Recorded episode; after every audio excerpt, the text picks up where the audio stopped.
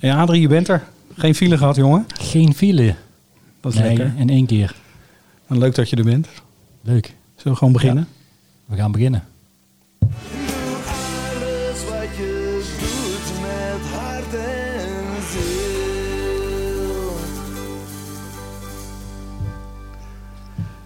Ja, een nieuwe hart en ziel. En we gaan het hebben over, eh, over Prince.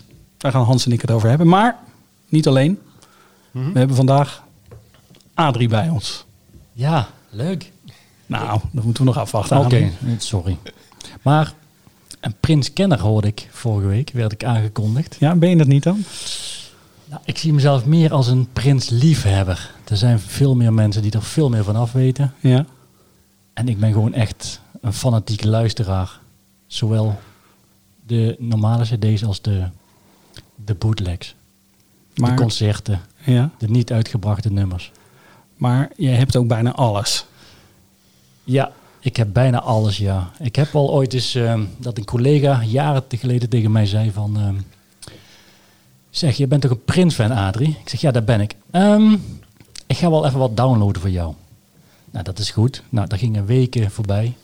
En toen zei hij van, ik denk dat ik alles wel heb aan concerten, aan niet uitgebrachte nummers. Ik zeg, nou, kom maar op.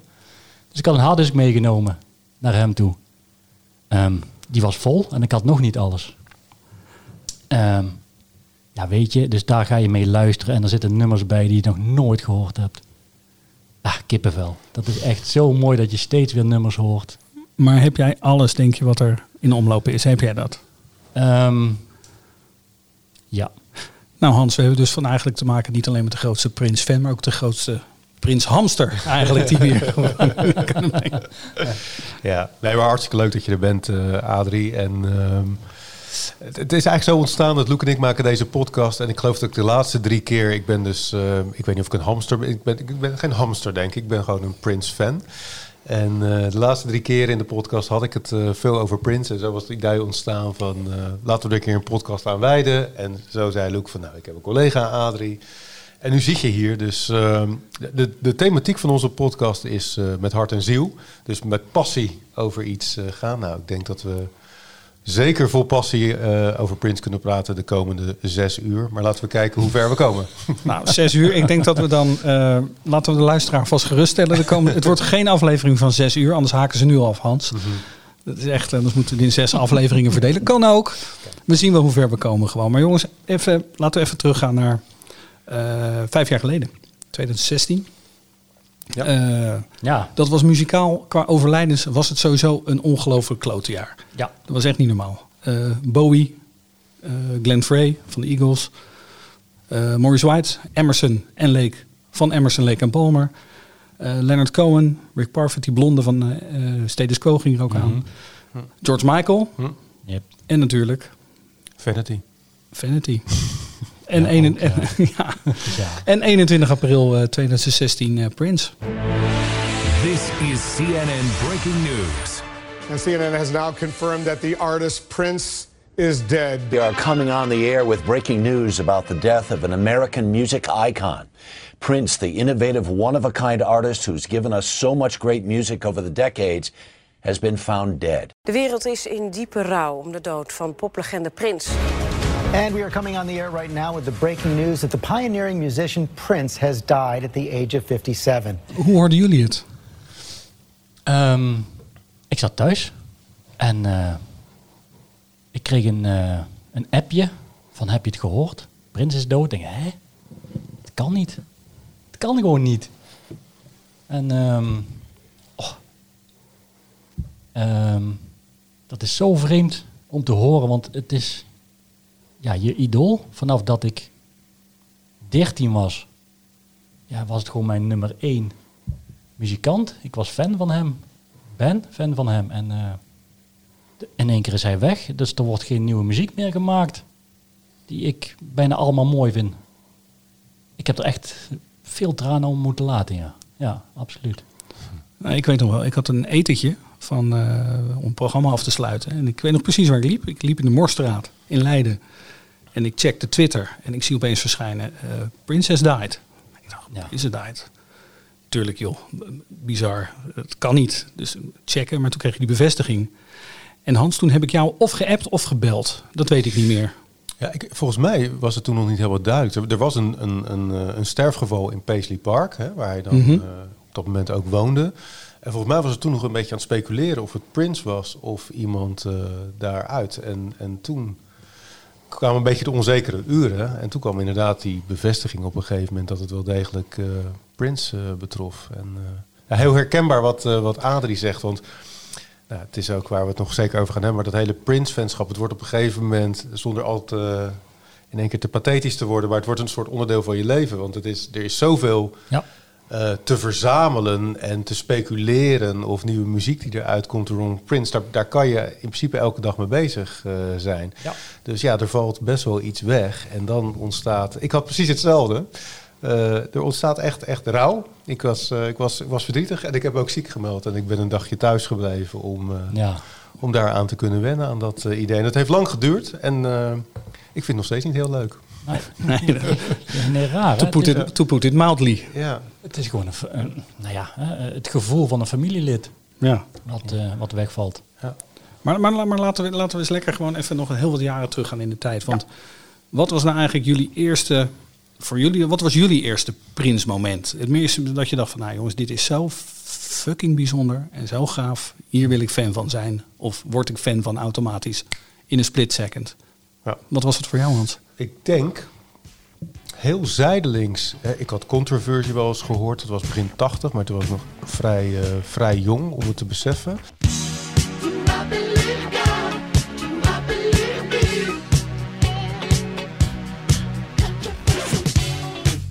En ik zag eh, MTV begon, dus ik zag Little Red Corvette. Ik vond dat te gek.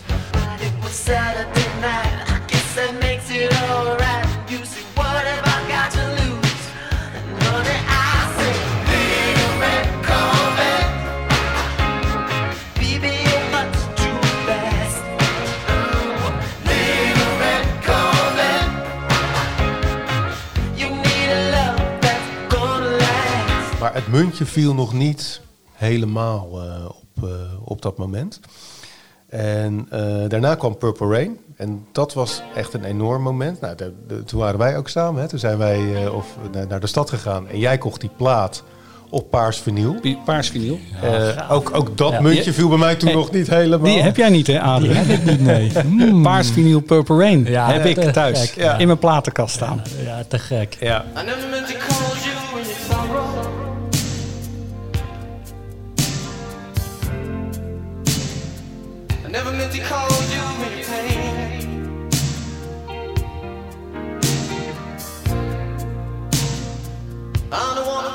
Ja, toen viel het muntje voor mij compleet. Want ik vond die hele plaat, al die nummers, dat hele imago wat er omheen hing, eh, de film, alles was zo anders en zo.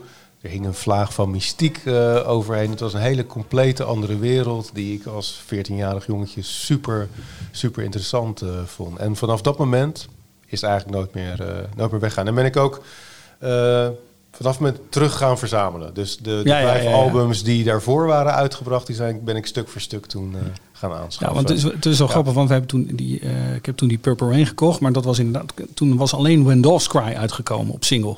En verder nog niet Purple Rain zelf. Nee. Maar op basis daarvan had ik toen al Purple Rain gekocht, Ja. vinyl. En toen was het eigenlijk ja, direct van wat jij zegt, het was wow, wat is dit? Ja, dus, nee, maar ik denk dat dat Ben Dove's Cry, als je dan toch een, eh, een paal in de grond wil zetten van die, eh, dat Prince-fan van wanneer was dat dan? Nou, misschien was dat wel eh, dat moment.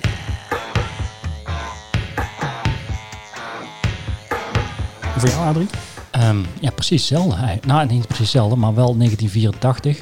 Ehm Purple inderdaad. Mijn zus had hem gekocht. Mijn zus is zes jaar ouder. Nou, die kleedde zich eigenlijk als, eh, als fan van Prince. Maar hè, die had wel de LP gekocht. Ja. Ehm, die was zwart. Die was Niet, geen niet paars vinyl? Nee, die was niet paars. Had ik al verteld dat ik de paarse vinyl thuis heb staan, Adrie? Ja, dat had je verteld. Hamstertje van me. Nou ja, we hadden onze eigen platenspeler op onze eigen kamer.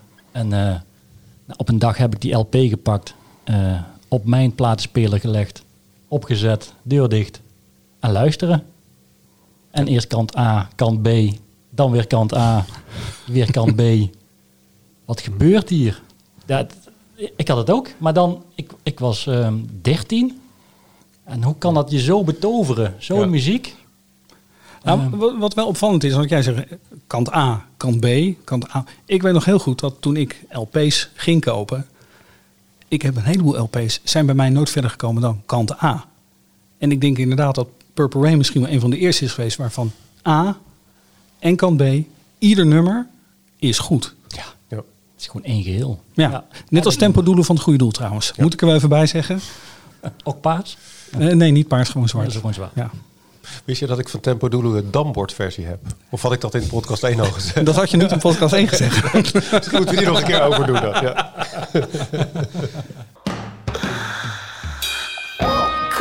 Next morning, Nikki wasn't there. I looked all over, all I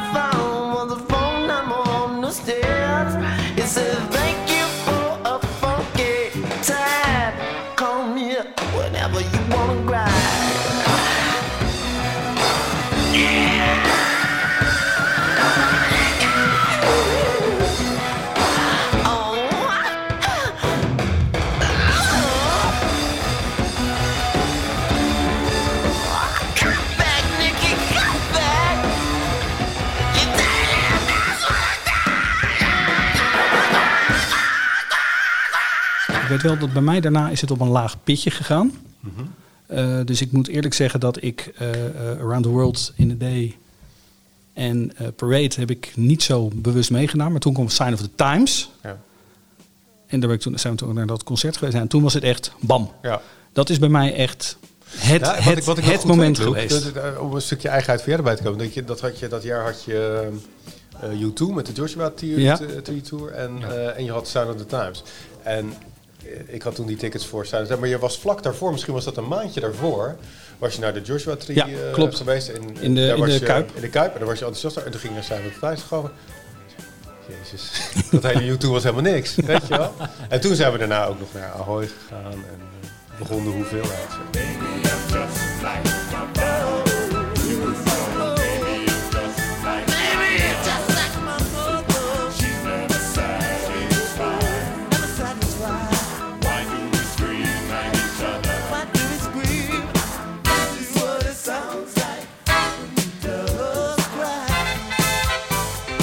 En dit was dan Cry, hè, de grote doorbraak naar het hele grote publiek. En het leuke verhaal, wat ook heel typerend is voor die carrière van Prince, is als je gewoon goed naar dat lu- nummer luistert of erover nadenkt, er zit geen bas in dat nummer.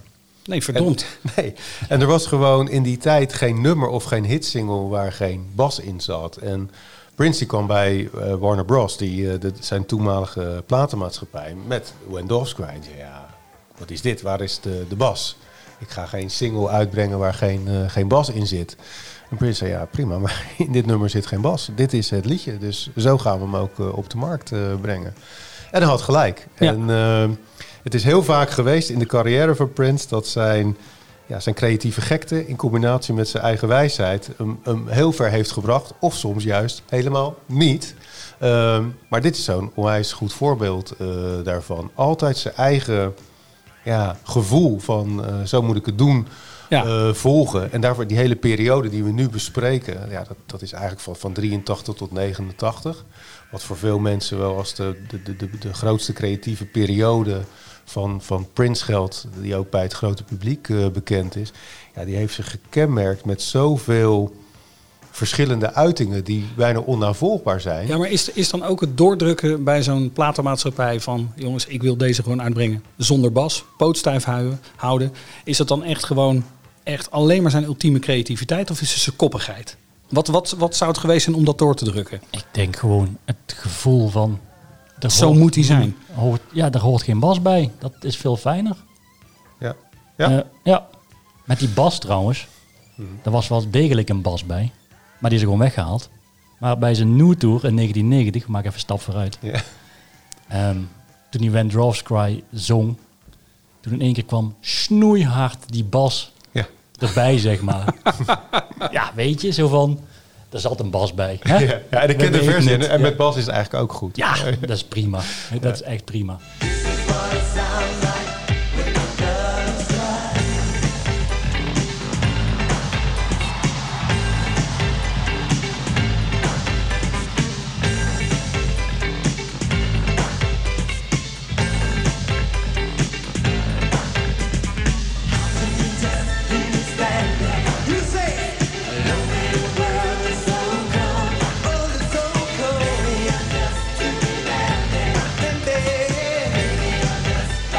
Ja, en, en, en een kenmerk van die... Kijk, Prince was iemand die snel verveeld was. En snel nieuwe dingen wilde doen en, eh, en opzocht. Dus Purple Rain, het was denk ik het grootste op dat moment. Hè? Ja, best verkocht, een van de best verkochte albums van Ja, dat het jaar. over, overschreed op dat moment denk ik de populariteit van, eh, van Oscar gewonnen toch daarmee ook? Ja, ja voor, de, voor de beste muziek. Voor de beste En, eh, muziek dat van de film. Niet Ja. voor het acteerwerk, denk ik. Nee, joh, echt waar. Maar vlak daarna, toen kwam Around the World in a Day uit. Ja, die Totaal anders. En een totaal andere plaat. Dus eigenlijk kan je, als je erop terugkijkt van... Ja, hoe bizar is dit geweest? Als je zo'n hitalbum maakt... en dat je dan... Ja, hoe makkelijk is het om Purple Rain Part 2 te maken... en nogmaals enorm te cashen. Maar hij kwam met Around the World in a Day... met een, eh, een hoes die niet- misschien niet al te commercieel was. Hij stond er zelf voor het eerst niet op. Het was een, eh, een rare tekening. En aanvankelijk was Ik het... vond, ik vond de hoes wel een beetje à la Sgt. Peppers Ja. van de Beatles. Het was Ja. gewoon een heel psychedelische hoes. Maar het is ook eigenlijk. een, een psychedelische Of plaat. ja, meer, sorry, Yellow Submarine meer. Eh, Ja. Niet, niet eh eh, Ja. Sgt. Peppers, meer Yellow Submarine. Open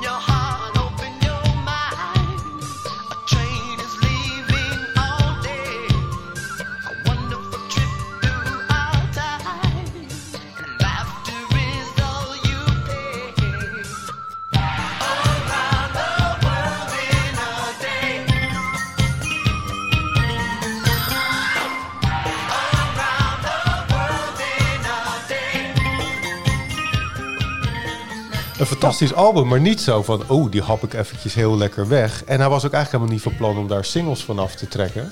Eh, maar uiteindelijk is dat wel gebeurd. En Raspberry Beret stond erop, wat uiteindelijk een grote, ja, grote hit is. Ja. eh, maar het zijn dus wel weer de, eh, de, de, de toegankelijkere nummers die hij als single uitgebracht heeft. Ja. Want Poplife is heel toegankelijk, Raspberry Beret ook.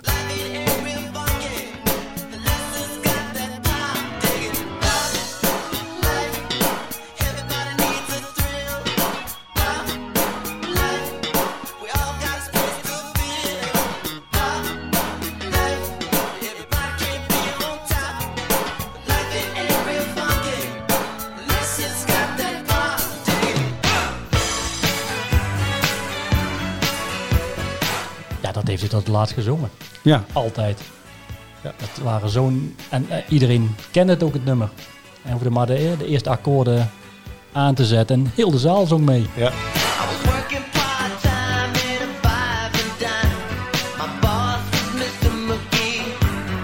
Het het ultieme popliedje. Maar die had hij eigenlijk...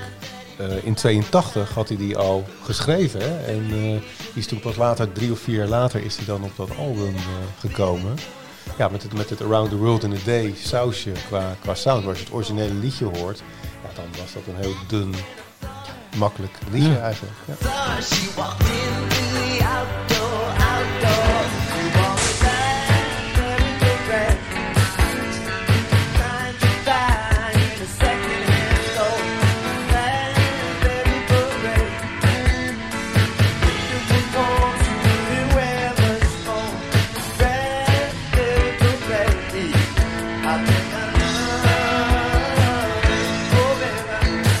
Goed, heb je Around the World in a Day gehad. Hij heeft dus dat krankzinnige commerciële succes gehad met Purple Rain. Around the World in a Day is geen succes geweest. Behalve de singeltjes. Maar is dat qua verkoop in vergelijking met Purple Rain? Klopt dat? Ja, ik, ik, ik heb niet de aantallen. Ik, ik Nee, weet niet ik of het een, een, een commerciële flop is geworden. Dat denk ik niet. Ik denk dat hij daar wel op dat moment te groot voor was. Maar het was niet eh, de, de gekte van, eh, van Purple Rain. Nee. Nee. Maar- nee, maar hij zat wel zo in die flow. En je had toen hè, MTV. Ja, dat werd dagelijks gedraaid. Ja. Het hele jaar door. Dat is waar, hij had dat hele slechte clipje met dat key-achtige dingetje. Ja. Dat ze daar met die wolkjes... Even ja. hoesten in het begin. Ja, ja. en door, ja, ja. ja, Nou, ja, jullie zijn televisiemakers. Ik vind het wel een mooie clip. ja.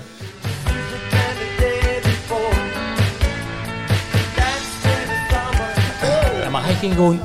Ik denk als toen Rain erop stond, is gewoon klaar. Het is opgenomen. Ja.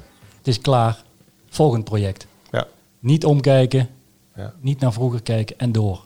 Ja, maar die, die, die tour die is mega geweest. Die heeft iets van anderhalf jaar geduurd, die Purple Rain Tour.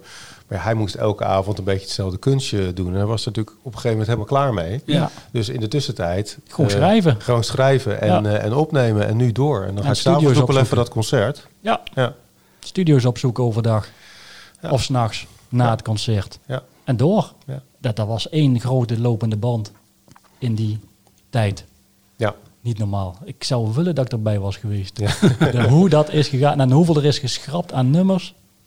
Ja, of weggegeven. Hè? En dat, dat moet je denk ik zeker niet onderschatten. Want ehm, als je kijkt in die tijd, en voor de meeste mensen is denk ik het grootste voorbeeld wel eh, Nothing Compares to You van Sinead. O'Connor. Wat hij eh, in die tijd in 1986 aan de Family gaf, wat zo'n hobbyprojectje van hem eh, was. En dat is toen begin 90 door Sinead O'Connor eh eh, gecoverd. Maar het stikte van de bandjes, waarvan ik dacht nou, ik ga voor die mensen, ga ik gewoon nummers schrijven. Zo, The Time en Vanity Six en Jill Jones en Madhouse. Allemaal van die side projecten van, van Prince. Of de Bengals, Manic Monday, Manic Monday, zo- ja. zo'n zo'n belangrijke. Dus afgezien van elk jaar zelf een nieuw album uitbrengen, hè, gaf hij dat ook nog eens heel veel aan, eh, aan andere mensen. En eigenlijk waren dat kant-en-klare liedjes. Want dat had het allemaal ingespeeld. De mensen hoefden er alleen maar eventjes in te zingen. Ja. Wat, wat is nou een van die nummers die hij voor anderen geschreven heeft, waarvan jij denkt van, nou ja, dat is te gek? Van mijn zestiende tot mijn twintigste, 21ste ongeveer, ehm, was ik een fanatieke rollerskater. Ja, dat was gewoon eh, Eindhoven, de Rollerskate Center Eindhoven. RSCE. Ik zat daar twee, drie keer per week. Ja, en dan wordt toch allemaal net iets, die iets snellere tempo muziek gedraaid. En eh, ja, de slow, dat was drie liedjes en de rest was allemaal up tempo. Want hè, je moest toch daar die rondjes skaten, eh, die 200 rondjes per avond moest je daar eh, volmaken. Dus ik zit toch iets meer in de snellere muziek in die tijd. En één nummer die Prins heeft geschreven voor eh, André Simone. Ehm, ja, dat is echt... Ja, dat was echt jaren 80 muziek. Deze bedoel je? Deze bedoel ik. Nou, wat hoor je hier? Ja, dat is geen André Simone, dat is gewoon 100% Prins. En die heeft hij weggegeven. Gewoon een jeugdvriend. Ook hele goede muzikant. Dus hier draaide jij rondjes op op de rollerskatebaan in Eindhoven eigenlijk. Ja, en hoe jongen?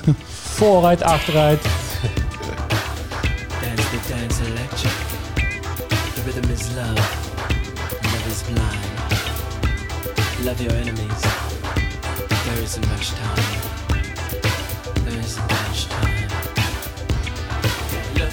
Gek toch dit, hè?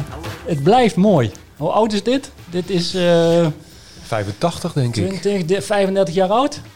Zoiets. Ja. En het blijft gaaf. Ja. Hoe dan? Wat je onwijs in dit nummer hoort is wel ontzettend, en ze noemen dat dan de Minneapolis sound, maar dat zit er heel erg in. En, en hoe dat werkt zonder het al te technisch te maken. Maar het is drumcomputer, hè? Dus, dus de, de, de, de Lindrum die hier eh, gedaan wordt. En daar gaat dan een soort van flanging, dat is het golvende geluidje overheen. En dat maakt het zo ontzettend lekker. En eigenlijk hebben die nummers, als je deze bijvoorbeeld naast Love Bizarre zet van Sheila E., wat, wat ook een Prince nummer is, die heeft een beetje datzelfde. En die liedjes, die hebben eigenlijk helemaal geen refrein.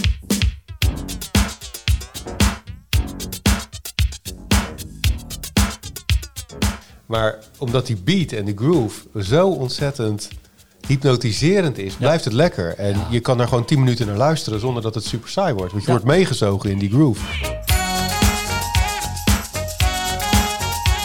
Ja, als ik rollerskates had gehad, dan was het nog anders geweest. Zeker. Hoor je? Die, die beat is... Die beat weer, ja, dat flamertje. Ja.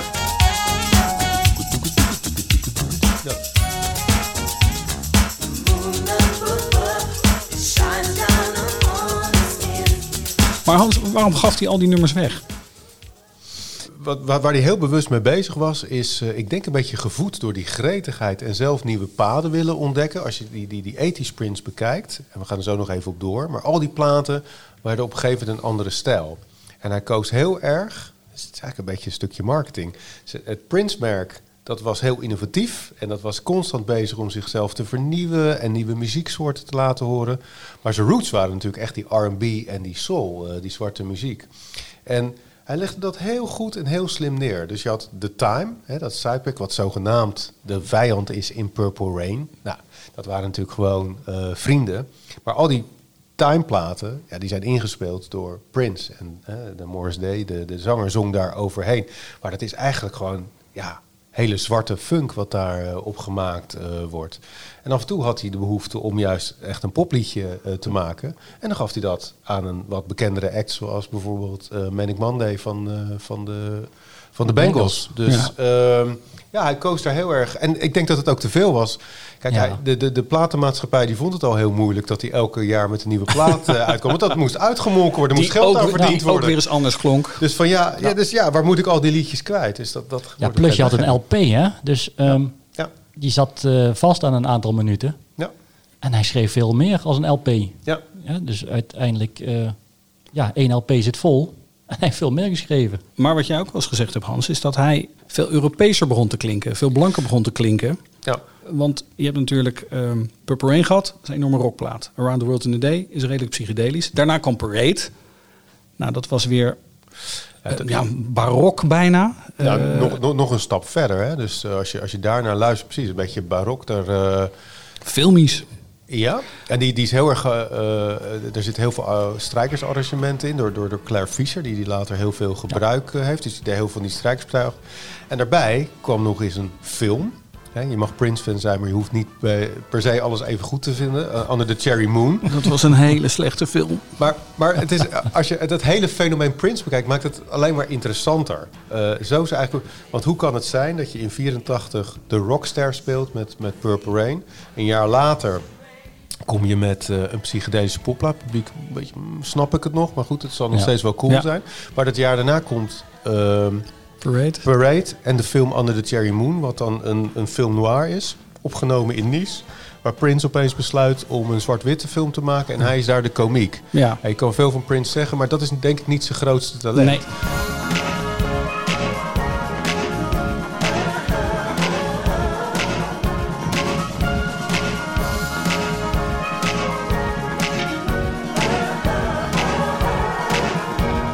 Dus die film die, die, die flopte ook eh, enorm. Maar antwoord op je vraag, het werd inderdaad steeds Europeeser. En hij werd steeds populairder in, eh, in, in Europa. Ook met die platen en die tours erna. En ik denk dat hij de feeling, of de, de, de, feeling meer van de fans in Amerika, die steeds meer begonnen te verliezen met, eh, met Prince. Misschien loop ik op de feiten vooruit. Ehm, maar eh Sign of the Times is het echt een, een, een popplaat die, die zeker ook voor het blanke publiek eh, zeer gewaardeerd eh, wordt.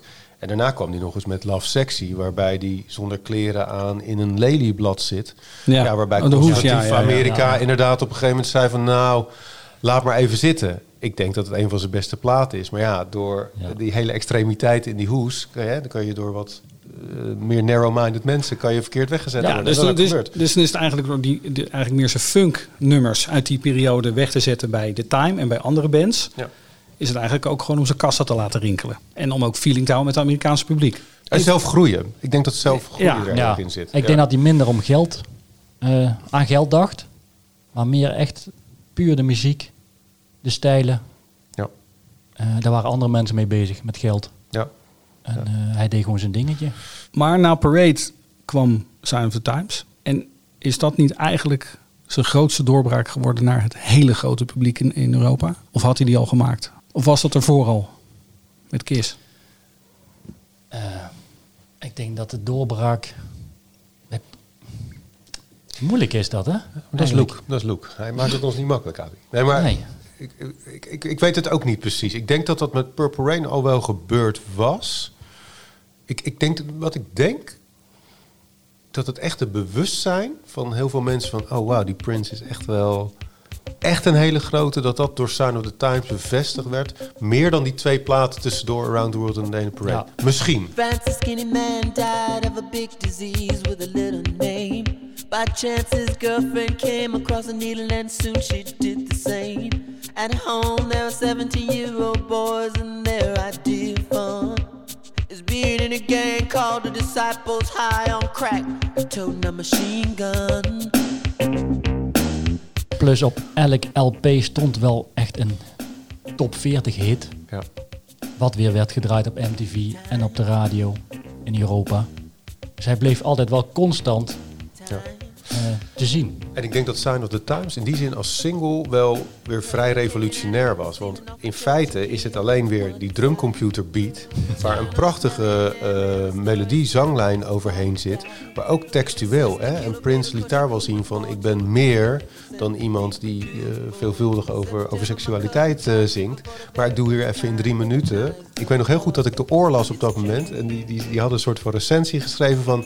wat Bob Dylan al twintig jaar probeert... Dat doet eh, Prince nu in drie minuten. Oh, alle, alle, alle wereldproblematiek even in drie minuten steken. Dus daar liet hij zien dat hij ook wel degelijk niet de wereldvreemde gek was. Maar kijk, ik weet wel degelijk wat er speelt. Ik maak er eens even een liedje over. En dat heeft hij heel vaak.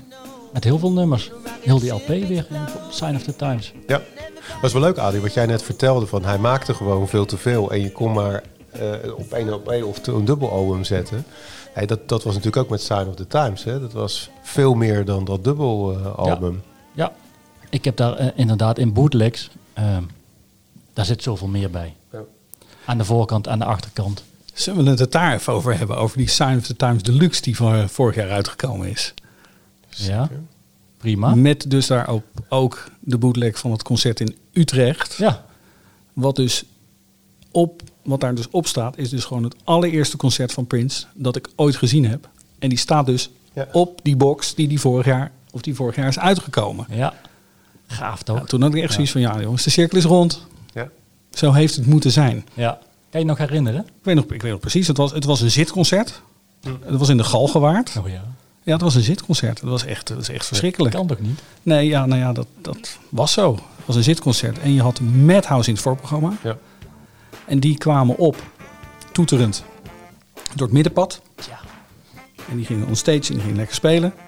En daarna kreeg je dus Sign of the Times. En ik weet nog dat ik daar eigenlijk alleen maar met zo'n big smile heb zitten kijken. En misschien is dat wel het moment geweest dat ik wist van ja, ik ben fan van hem. Ja.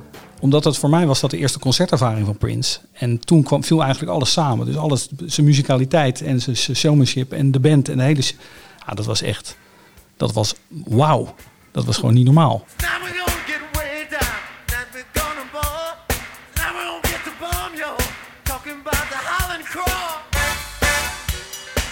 En ik kan me nog herinneren, als ik die plaat opzet, want ik heb hem op vinyl gekocht, als ik die plaat opzet en, en het, eh, het begint met die beat van of the Times, eigenlijk met die gitaar, dan zit ik daar weer. Ja. Als ik dat hoor, dan zit ik weer in de Galgenwaard. Ja, dat, dat, dat is een te gek gevoel.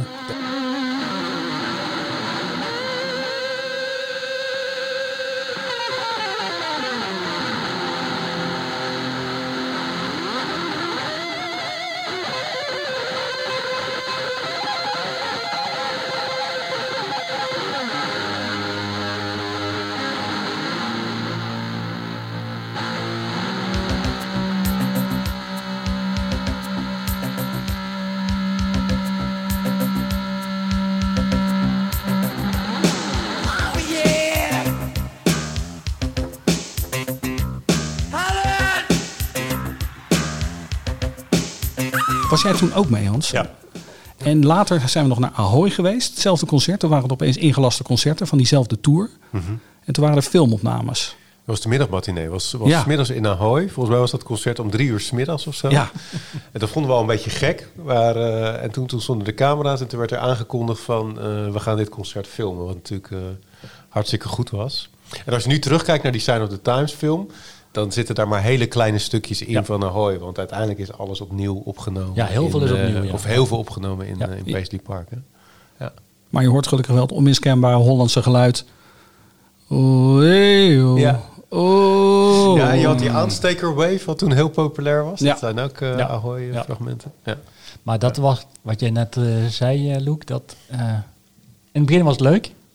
Maar heel Nederland deed dat elke keer weer. Nou, daar werd ik op een gegeven moment al flauw van. Van hier zijn wij weer, de Nederlanders. Ja. Hè, dat, was, dat, was, dat was toen toch ook met die Love Sexy eh, eh, tour. In Dortmund. Toen, Dortmund. Ja. had je die live uitzending. eh, Ja. vanuit Dortmund S'avonds, inderdaad. Er was ook alleen maar een bus met Hollanders die kant uit. Ja. En inderdaad, ergens bij een rustpuntje in de show was het... Olé, Ja. olé. Ja. Ja, misschien is het wel leuk om dan enorm in te want- Enorm Elfstedenstocht sfeertje. Dat was Ja. echt bizar. Ja, maar, maar, maar dat is toch wel weer een extra dimensie in dat fan zijn van, van Prince. Omdat die, ja, die, die band met Nederland die is of was gewoon heel erg groot. En zeker in die periode. En die concerten werden in Nederland, in die Sound Times Tour, zo onwijs enthousiast ontvangen. En Love Sexy ook, dat jaar daarna in de Kuip. Dus oké, ik ga hier een, eh, een videoregistratie van maken. Maar dat wordt dan in Duitsland. Maar dan wil ik dat minimaal, ik denk dat het de helft was. Minimaal de helft van het publiek moeten wel Nederlanders zijn. Ja. En dat was ook zo. Alleen het grappige was, dat was in eh, augustus volgens mij. Of, eh, Ja, zoiets. En op dat moment was net eh, het WK 88 enorm eh, aan de gang. Dus je hoort dat ook enorm tussendoor, dat Holland scanderen en dergelijke. Dat Nederland Ja, we, Duitsland wa- we waren, we waren Europees kampioen geworden. ja. Ja. Dus dat moesten we weer laten horen natuurlijk. Ja. In Duitsland. Ja. In Duitsland. Ja. Terwijl Prince stond uit te leggen dat, dat je toch wel heel veel van God moest eh, houden. Ja. Ja. Dus er kwamen heel veel dingen bij elkaar. Ja, Ja. hartstikke leuk, Prins. Maar we waren net Europees kampioen geworden. Marco van Basten is God, hè? Juist. Dat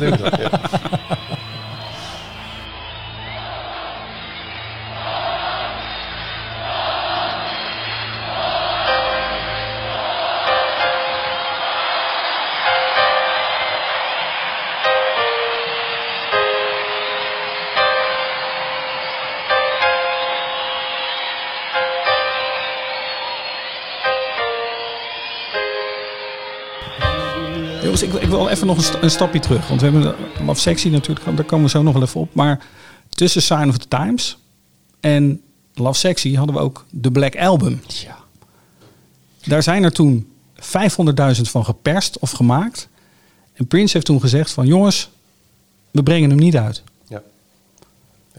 En dit is een soort van mythe geworden ook, dat album. Ja. Want die, die dook opeens op in platenzaken, bootlegjes. Hij was, op, hij was overal, maar hij was nergens. Ik was toen op vakantie in Zeeland.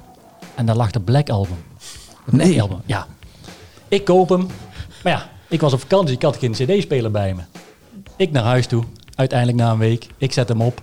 Zong heel iemand anders. Nee, Ja, dus de muziek was er. nee. Maar het was heel iemand anders. dus heel... Oh, ik baal daar zo van. Dus ik heb nog jarenlang moeten wachten. Wat, voordat ma- wat maakte de Black Album zo bijzonder, Adrie? Nou, net wat je zegt. Hij wordt niet uitgebracht. En ik ben fan. Ik wil dat horen.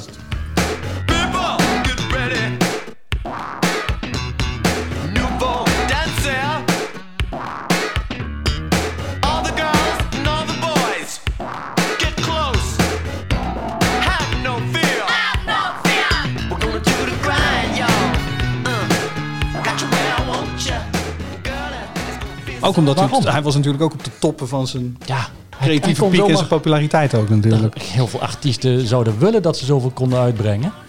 En hij schrapt zomaar een, eh, een, een x aantal nummers van nee, te Ja. negatief. Maar ik vind, het een heel goed, ik vind een heel goed album. Maar het, be- het bevestigt denk ik een beetje ook dat, dat stuk van die, van die fans. Dat je op dat moment had je al een beetje die verzamelwoede. want er lekte al heel veel bootlegs uit van niet. eh, ik was daar heel erg mee bezig. Met niet uitgebracht werk. Dus toen die Black Album eh, geskipt werd, dacht je. Ah nee. Waarom dit? En nu moet ik. Het, het, eh, het zal heel slecht zijn, maar dan moet ik ook echt weten waarom het zo slecht is. Weet je? Ja. dus dan, Ja. dan moet je, dan moet je dat, dat. het was niet slecht. Dat, luidt. het was Nee. helemaal niet slecht. Maar het hele ontstaan van dat album is heel grappig. Ehm, eigenlijk is het een, een cadeau geweest voor Sheila ieder verjaardag. Dus ze gingen met z'n allen de studio in en ze hebben in één avond en één nacht hebben ze dat album eh, eh, opgenomen. Oh ja? Dat is echt, nooit eh, dat, is, dat is echt absurd. Ja. Ehm, maar het is een, een, een, een donker funk album. is het. Nou, nou, misschien ook de Black Album. Ik weet dat Ja. niet precies. Maar weer vanuit commercieel perspectief. Dat ik denk van, waar ben je mee bezig? De naam Prince is zo groot. En hij besloot een, album uit te brengen. Waarop de naam Prince niet stond. Hij had zoiets van, nee, maar ik wil niet profiteren Ja. van mijn sterke artiestennaam. Ik wil gewoon dat jullie genieten van die muziek. En al is het door eh, Bert de Groot gemaakt. Ga nou maar naar die plaat eh, luisteren. Dus dat had wel weer iets heel eh, aparts. Ja. En, eh, Was hij toen verliefd op Cindy Crawford? Ik, dat, dat weet ik niet, maar je, je doelt denk ik op het nummer Cindy C. Ja, inderdaad. Laten we een klein stukje Cindy C luisteren. Ja.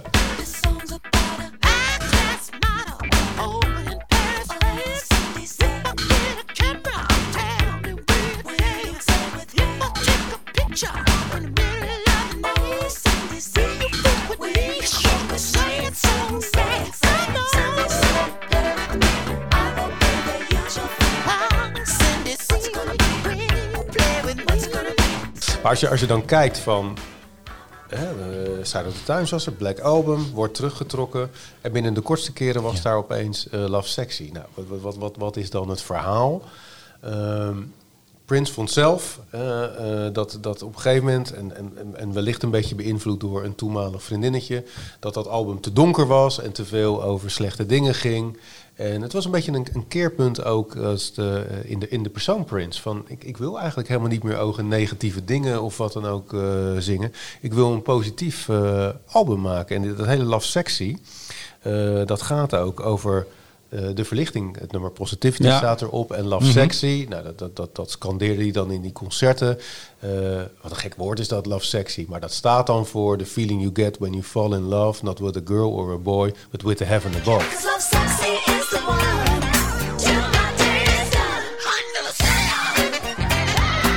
Eigenlijk is het een soort gospel rock album, maar dan met een Ja. Prince sausje. Dat is eigenlijk wat het is. Het gaat over verlichting. En, en wat hij dan ook weer heel slim gedaan heeft, of tenminste slim. ehm, ik kocht hem op CD. Ik duw hem in mijn CD-speler. Eén track. Ja. waarom? Dus dat hele album was gewoon één track. Dus wat je normaal doet dan, als een nummertje niet zo lekker weer up, kan je hem even doorskippen. Nee, één track. Nou was, de album, nou was de album goed genoeg om helemaal in één te luisteren. Maar ja, als je Anesthesia wilde luisteren, eh, jij weet, welke minuut zat dat ook alweer? Ja, 15 zoveel. Even doorspoelen. Ja.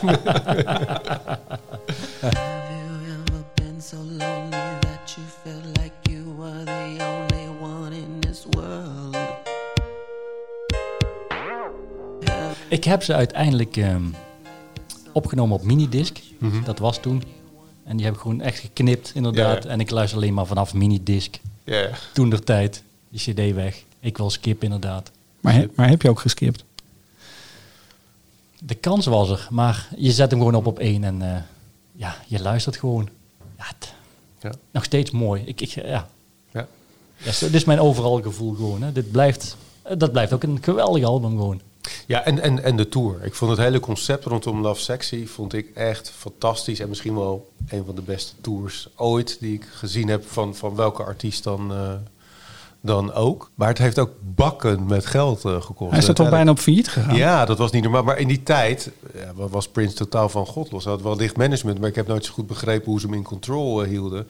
Want ondertussen had hij dat Paisley Park eh, neergezet in Minneapolis. hele complex, ja. ja, ja. Kapitale geldkosten. Die tours die kosten Niet alle films waren even succesvol. Die kosten veel geld. En Love Sexy kostte wel heel erg veel geld. Live one here.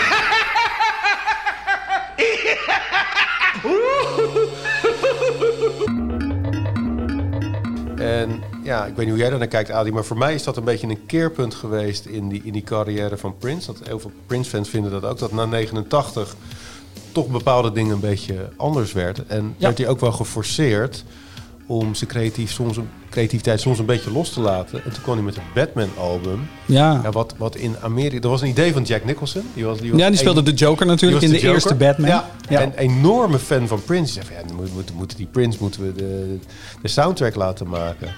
En dat was eigenlijk een hele slimme move. Want daar stond Bad Dance op en Party Man. En dat werden knijters van hit in, eh, in, in Amerika. Dus eigenlijk waar we het net al een beetje over hadden.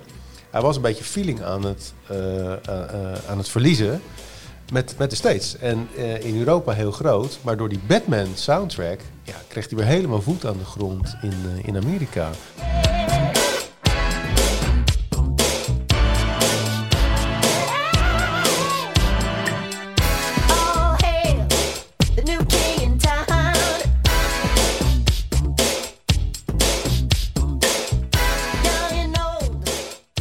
Ken niet helemaal de lijstjes, maar volgens mij is na Purple Rain is Batman het best verkochte in de States, het best verkochte Ja, Prince, eh, Prince album. En daarbij deed hij toen de New Tour. Nou, naakt was Ja. niet van eh, dat hij naakt op het podium stond, maar dat het heel uitgekleed was ten opzichte van de Love Sexy Tour. Eh, daar stonden gewoon weer zes man op een podium waar verder weinig eh, bij zat. Maar hij was dusdanig populair dat hij daar gewoon weer mee op tour kon en flink kon cashen. Ja. En dat was jouw eerste concert Dat die was- jij zag van Prince. Dat was mijn eerste Je concert. was al ja. jaren fan Ja. en je was nog nooit naar Prince live geweest. Ja, ik zou met mijn zus eigenlijk gaan. En zij zegt, ik ga in ehm 87. En dat is niet doorgegaan. Dat was Sign of the Times. Dat was Sign of the Times, ja. Eh, eeuwige spijt van dat ik dat nooit heb gezien. Ja, 1990 is de eerste dat ik daar eh, eh, was je dan in de Kuip? Ja, in de Ja. Kuip, ja. En er waren twee dagen. Eh, achteraf hoorde ik dat. De eerste dag was dat het eh, heel hard regende. Ja. En Daar waren hij- wij. Daar waren wij. Daar waren wij. En Ja. dat hij eh, met zijn lippen op de microfoon kwam en dat hij een optater kreeg. Ja. Dat, die, dat was heel chagrijnig aan het worden daarvan, denk ik. Nou, niks van gemerkt Nee? eigenlijk van zijn zagrijnigheid. En alleen zo'n rookwolkje van zijn lip af. joh. Nee, het was, het was wel heel apart toen, want het donderde en bliksemde. En Ja. het was inderdaad geen veilige situatie. Ik denk Nee. dat ze tegenwoordig niet meer aan zouden durven om door te laten gaan. Nee, nee. Dat zouden ze echt niet meer durven. Nee, dus ik was die andere dag. Ehm, ja, geweldig, weet je. Eh, de wave doen, hè, met heel het publiek. Helemaal rond daar, Ja. in de Kuip. Ja, dat is een happening. Dat is gewoon een uitje, weet je. Dat is jouw eerste concert van Prins wat je gaat meemaken. Eh, eh, je hebt al heel veel op cd gehoord. Op cassettebandjes. En eh, nu mag je die man eindelijk live zien. Kan je, kan je nog herinneren? Kan je het nog voor je halen, dat concert? Ja, ik zat... ehm, eh, als je voor het podium stond, zat ik rechts. Ik denk op de tweede ring. De eerste ring, echt. Ik kon bijna niks zien. Het was een poppetje. En, hè, eh, of een, het was een paar centimeter wat ik zag en meer niet eigenlijk. En eh, gewoon de happening, de belevenis. Je bent erbij, iedereen is blij. Er was voor het concert was iemand gewoon langs het publiek aan het lopen om de wave op te krijgen. En nou, hij kreeg 10 man mee, 20 man, 100 man. En op een gegeven moment ging heel de kuip ging rond. Ja, weet je, dat is gewoon al gaaf, weet je. Dus je bent al helemaal in de stemming. Iedereen is blij, de zon schijnt. En, eh, Ja. en dan begint hij met... eh waar begon ik weer mee? The Future, denk ik. The Future, ja. Ja. ja. Ja. Onmiskenbaar, ja. ja. Dat, dat, eh, dat was mijn allereerste nummer wat ik live heb gezien.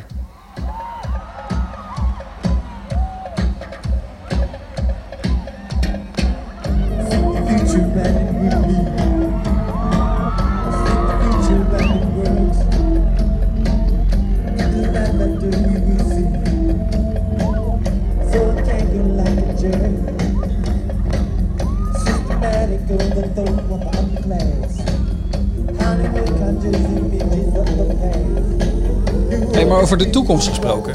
Stond Prins er niet een beetje op een tweesprong daar, jongens? Want hij was natuurlijk, had geen connectie meer met, eh, met Amerika, Europa. Nieuwtour was hij gaan doen om geld te verdienen. Het Ja. was voor hem echt een tweesprong in zijn carrière op dat moment. Nou, hij, heeft, hij heeft juist met die Batman wel weer, weer die connectie met Amerika Ja. gevonden. Maar wat, wat gebeurde er op dat moment in, eh, op muziekgebied? Eh, ook die ontwikkelde zich. En de rapmuziek die werd steeds groter. Dus je had eh acts als Public Enemy en, Vanilla en Run. DMC. En, MC ja, en in de Hammer. ja, en in de mainstream. Inderdaad, de rap kwam ook door van underground naar de mainstream. Dus Vanilla Ice en Ah, eh. Ja. eh, MC Hammer inderdaad. Maar dat was wel waar Amerika helemaal eh, plat voor ging. Ja. Dus eh, Prince had zoiets van, oké, eh, ik moet toch wel een beetje aangenaken. En hij ging rap integreren in zijn eh, muziek. En eigenlijk was het denk ik de eerste keer eh, in zijn carrière... dat hij niet helemaal voorop liep en de innovator was met nieuwe muzikale stijlen. Maar dat hij meer ging volgen. En ehm, ja, ik weet niet of het goed of fout. Het was gewoon dat, dat momentum. En daarmee maakte hij het album Diamonds and Pearls, waar, waar, waar veel rap in, Ja. eh, of veel, daar is hier en daar wat rap in eh, geïntegreerd. Eh, maar ook veel echte Prince-klassiekers zoals Get Off en Cream en eh, Diamonds and Pearls. Ja, wat echt grotere hits van Prince zijn geworden Ja. op dat moment. Cream heeft hij volgens mij in 10 minuten geschreven. Ja, Tien minuten. Ja, ja, Oké. ja. ja te gek. Ja, dat speelde hij tot op het laatste. Speelde hij dat nou Ja. gewoon allemaal, ja. ja.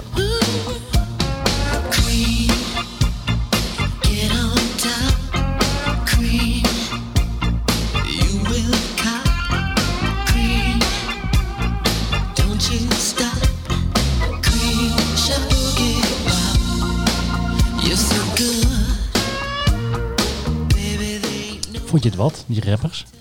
Nee. nee. Ik, ik was toen denk ik ook daar nog wat minder aan toe. Ik ben later trouwens heel erg van, eh, van rapmuziek gaan houden. Maar toen op dat moment kon ik dat nog niet helemaal eh, eh, plaatsen. En het, het voelde op dat moment niet helemaal Dat is toch geforceerd? gepast in die muziek. Ja. Dat was Ja. toch geforceerd? Want Ja.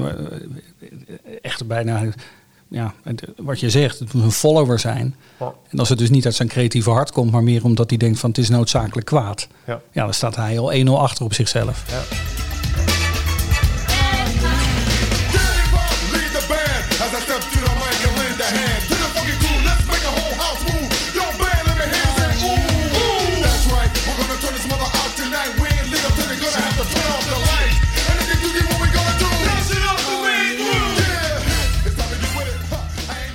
Tijd raakte ik hem ook een beetje kwijt.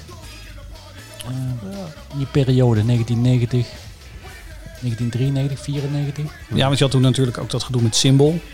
Hij kreeg die ruzie met, eh, met Warner Warner, Brothers ja. over, de, over Ja. platencontracten en dingen die moesten. Ja. Ja, na, na Dames en Pearls kreeg je inderdaad nog dat Symbol-album, wat echt een uitstekend album is, eh, zeker op muzikaal eh, vlak. Maar er zitten inderdaad ook nog die, eh, die, die raps in. Ja. en toen begon dat dispuut met Warner Bros. een beetje te ontstaan. En dat ging vooral over waar we het net over hadden. Hè, van Prince die gewoon constant nieuwe muziek wilde uitspugen en, en uitbrengen. Terwijl Warner Bros. ja, maar dat is helemaal niet meer te vermarkten. Het is zo, zo veel. Ja. En toen, eh, en hij mocht zijn eigen masters niet, eh, niet, niet, niet ownen. Dus ja, dat is een enorm conflict eh, geworden. En Ja. toen, toen heeft hij besloten om Prince te laten sterven. Er is nog eh, een album onder Prince uitgekomen, dat heet Come. Ook Oh ja, ontzettend goed Ja, album trouwens. 1958, 19... Eh, 1993 93, dan. ja. En dan Prince Died. Dat was iets. wat, wat, eh, Ja. wat was dit? Ja, maar wat Eh, moet je als fan gaat daarmee? Niet, je gaat niet dood. Nee. En, Nee. ehm, maar goed, dat, dat, dat was het. Ja, en toen kwam denk ik het moment aan. Ik weet niet hoe jij dat beleefd hebt, maar dat je wel afdacht van hoe zit het nou allemaal? En toen werd hij dat onuitspreekbare symbool, hè, dat bekende eh, Prince. En het was wel even lastig. En er kwam Ja. Slave eh, op zijn Ja. op op gezicht. Slaaf van de muziek, slaaf van de Warner van de Brothers. muziekindustrie. Ja. Hij praatte niet meer in interviews. nee. Zo. Dus hij, hij raakte daar, hè, als we dan constant die link leggen naar, naar, naar, de innovator en, en het grote publiek, hij raakte dat wel een beetje kwijt. Want mensen, wat is voor een freak? Je bent toch geen, on, je bent toch gewoon Prins of je bent Bert of je bent Gert-Jan. Ja. Maar eh, je bent niet on, onuitspreekbaar eh, symbool. Ja, plus dat het, en, en sleef op gezicht. Dus, dus, eh, de, de, de normale mensen die konden dat niet meer volgen. En hij werd wel Nee. heel erg in dat freaky hoekje neergezet. Ja, en als Prince-fan wil ik dat wel een beetje verdedigen, omdat ik vind dat hij achteraf wel geniale zetten heeft gezet. Want door, door dat te doen, kon hij onder zijn contract uitkomen met, met, met Warner Brothers. En was hij vrij, zoals hij zelf zei, Ja. om onder dat onuitspreekbare symbool wel de muziek uit te brengen op zijn eigen label, zoveel en zo vaak en wat hij maar wilde. Op zijn eigen PC Park label. Ja.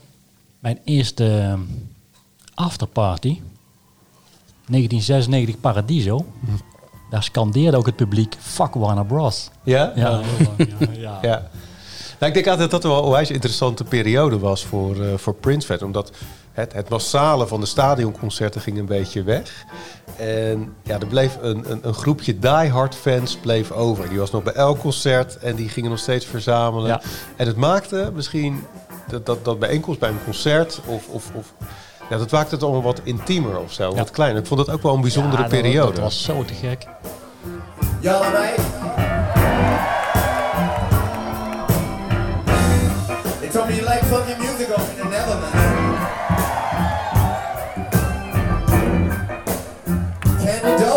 You like funky music. Maceo Parker told me you like funky music. Shelby J told me you like funky music. Only heaven knows how much, though, right? We're gonna find out tonight. Come on, Major. Want jij, jij, hebt, jij hebt al die afterparties in Nederland gezien. hè? Eh, bijna allemaal, ja. Ja. Soms speelde je twee dagen achter elkaar. Eh, de Melkweg twee dagen. Daar heb ik de eerste van meegemaakt. Ik had liever de tweede willen meemaken achteraf als ik de bootleg hoorde. maar ik stond er maar eventjes, hè. Eh, ja, ehm, 1996 was mijn eerste. Ehm, daarvoor was het concert in Den Bosch. En na het concert kwam er iemand op het podium. Tomorrow Night, Paradiso, Prince. Oké, het zal wel. En ik woonde in Eindhoven. Ik zat op school in Amsterdam. Ehm, op zaterdag moest ik daar naartoe. Ik denk, weet je wat, voordat ik even op de trein stap, ik loop nog even naar de VVV toe. Dat zat naast het station. Ehm, dus ik loop daar naar binnen en ik zeg, ehm, zijn er tickets van Prins in, in Paradiso? Prins Paradiso, zeggen ze. Nee, daar hebben we helemaal niks eh, van meegekregen. Ik zeg, ja, Even, voor- even voor de jongere luisteraars. Vroeger was het dus zo, met concertkaartjes, dat je dus naar de VVV ging. En, het liefst de nacht ervoor. En dan ging je daar liggen. En zodra de deuren dan open gingen, stonden ze al op die printknop te drukken. Om zoveel mogelijk tickets eruit te halen voor die hele rij die voor het VVV te wachten. Dus maar dit even terzijde voor de jongere Dus luisteraars. Er was helemaal niemand.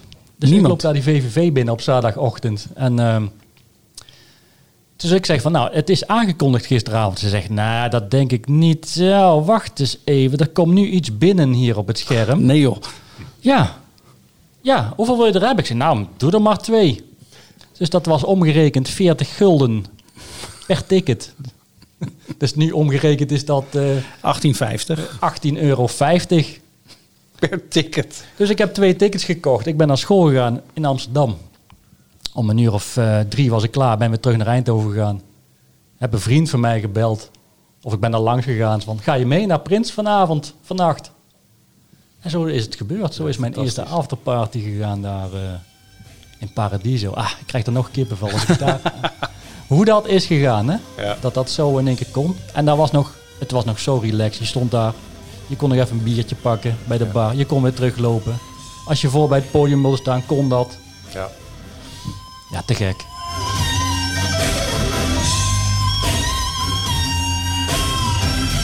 Ik heb daar trouwens ook nog iets. Mag ik dat toch nog even zeggen? Nee, graag.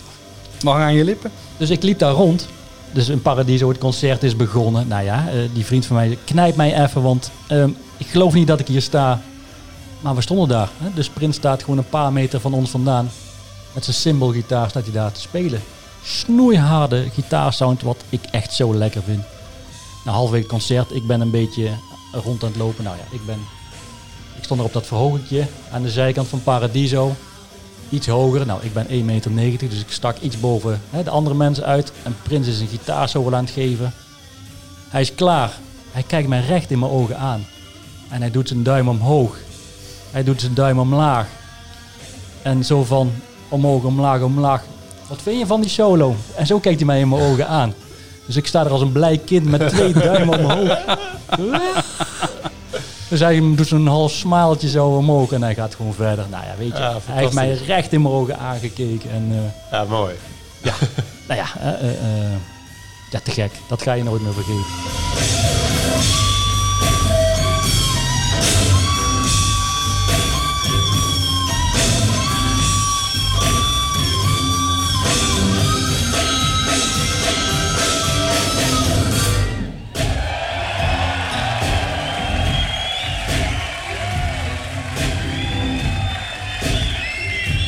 Ja, ik denk ook als je, als je die, die afterparties zo stript van alle opsmuk die bij zo'n groot concert eh, was. Nou, dat is gewoon een zaaltje zonder enige vorm van poespas.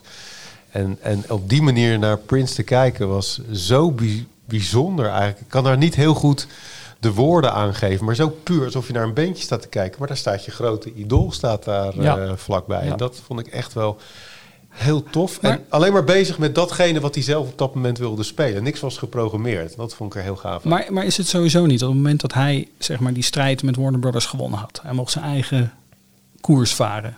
Eh, Ik heb het idee dat vanaf dat moment het gewoon ook echt muzikaler werd. Dat ook bij gewone concerten, ook al speelde hij daar de hits, Hmm. hij speelde ze wel op zijn eigen manier. Ja. Dus dat hij veel meer ja, een soort van muzikale vrijheid in zijn kop gekregen had vanaf dat moment. En of dat nou inderdaad bij een afterparty is, wat echt. Maar ik van baal dat ik dat nog nooit gezien heb. Want jij hebt er een aantal gezien, jij hebt ook gezien, Hans. En, maar op dat moment was hij gewoon muzikaal vrij. Ja. Het is wel de periode dat ik hem even kwijt was. Na, Eman- na Emancipation. Maar ik denk heel veel, eh, Ja. heel veel mensen. Ja, dat is wat ik net eh, een beetje beschreef. En eigenlijk is die pas...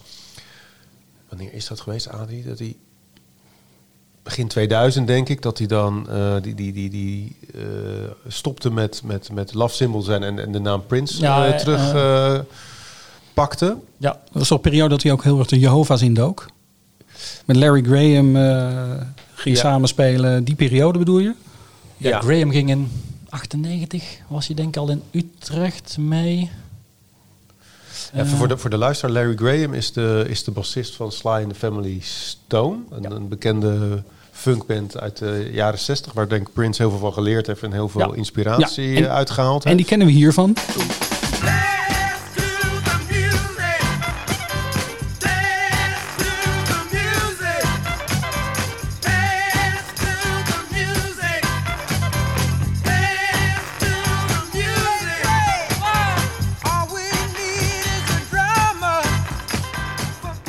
Wat, Prince veel deed, is wel eh, heel veel credits geven aan, eh, aan de roots. Dus dat deed hij al eigenlijk eh, eind 80 door George Clinton van Funkadelic en Parliament. Echt, ja, zeg maar, de godfather of funk.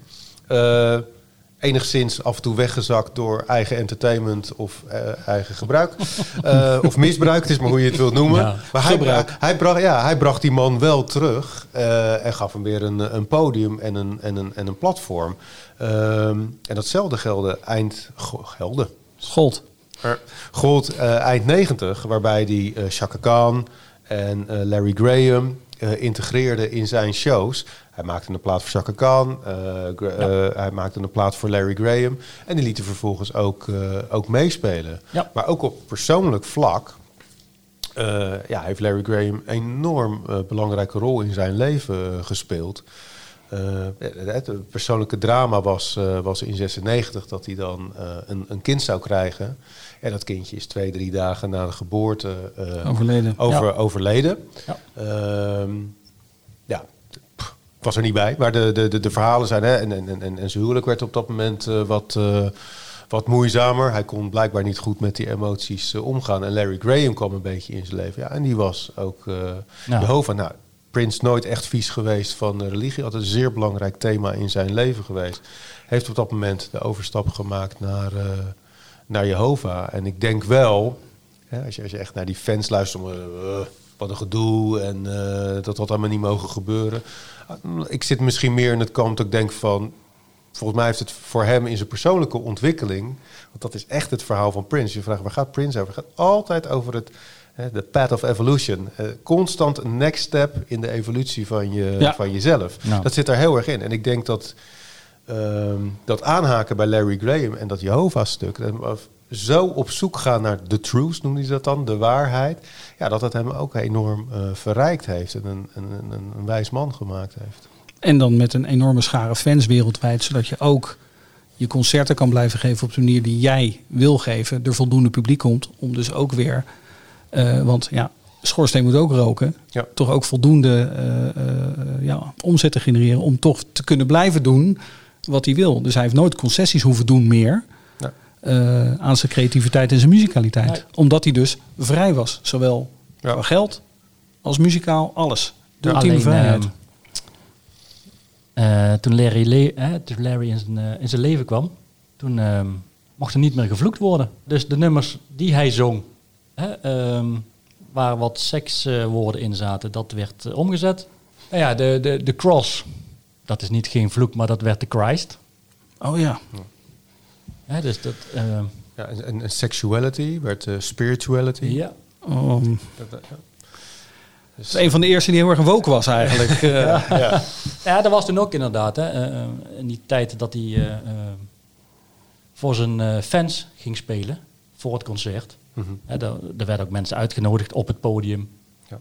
En hè, er was één man. Ik heb ook zo'n bootleg dat één man zegt van... Ah, I'm so fucking happy I'm here. En die said, don't curse on this stage. Ja. Dus hè, eh, eh, dat was echt zo belangrijk. Op het podium niet vloeken. Ja. Als je vloekt, prima, maar niet in mijn bijzijn.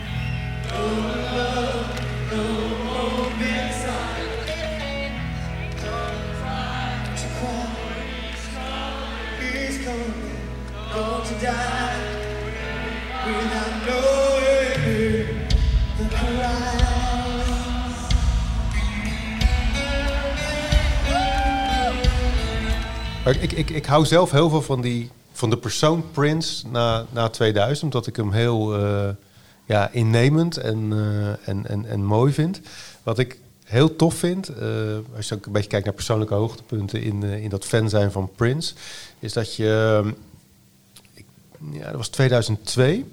Ehm, en je had in die tijd eh, had je de MPG Music Club. En eigenlijk was dat een beetje onderdeel van die vrijheid van Prince. Als je Prince-fan was, dan was je lid van de MPG Music Club. En dan kon je nieuwe muziek eh, downloaden vanaf het Ja. eh, internet. Dat was Ja. smullen. Maar als je lid was van die MPG Music Club en mocht er een concert zijn, nou, dan kreeg je ook een beetje VIP-tickets. En die, die dag ga ik echt niet vergeten. En dat was in Ahoy, Rotterdam. En je moest je smiddags om drie uur melden. En dan kon je zijn bij de soundcheck. Eh dat was fantastisch. Want dan was je, ik weet ik weet begon niet hoeveel mensen er waren, misschien 200, 250. Maar dat hele relaxed dacht ik eens van, is dit, is dit Prince? En hij kwam daarop, keurig gesoigneerd in een mooi eh, pak. Helemaal niet meer, geen tierenlantijn, gewoon een mooi eh crème pak. Rustig, de band was een beetje jazz aan het spelen. Hij kwam daar met een, met een kopje thee. Ging eens rustig zitten. en de fans die konden daar eh, vragen stellen. En hij, hij, hij, op zijn gemakje ging hij dat helemaal eh, beantwoorden. En eh, er werd een uurtje gesoundcheckt. En hij babbelde wat met mensen. Nou, Ja. dat, dat, voor mij was die dag toen al af. Toen moest het concert nog beginnen. Nou, een van de betere tours die er, die er was. En voor die avond had ik dan nog het, het, afterparty ticket in, eh, in Nighttown. Wat vrij laat begon, om om drie uur Ja, s'nachts pas of zo. Maar ja, dat, voor, voor een fan was dat natuurlijk fantastisch. Vanaf middags drie uur de soundcheck, op acht uur het grote concert. En s'nachts nog eens eh, twee uur durende afterparty. Ja, helemaal Ja, dat, is een dag. Dus we hebben elkaar eerder gezien, denk ik. Ik, het moet haast wel. Dat ja. moet daar wel zijn. We zien elkaar niet voor het eerst, maar ik denk dat we elkaar daar al een keer gezien hebben. Ja.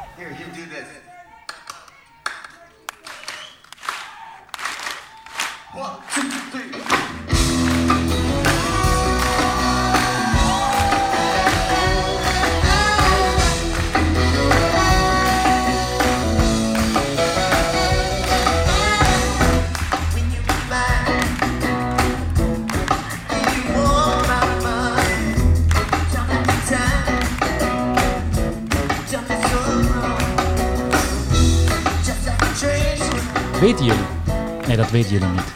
Ik heb veel concerten meegemaakt. Echt heel veel concerten. Maar ik heb twee keer echt tranen moeten laten eh, bij een concert. En dan, eh, de ene was George Michael. eh, in Ziggo Dome. Let It Down Easy. En bij dit concert van Prince in 2002 dat hij het nummer The Ladder speelde.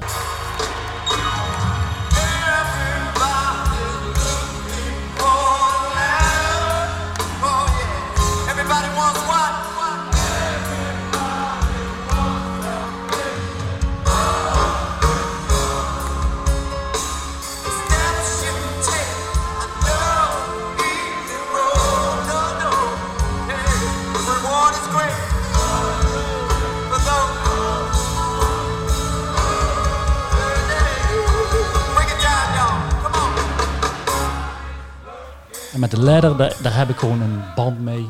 Ehm, nou ja, ik heb gewoon altijd het idee gehad toen ik dat nummer voor het eerst hoorde.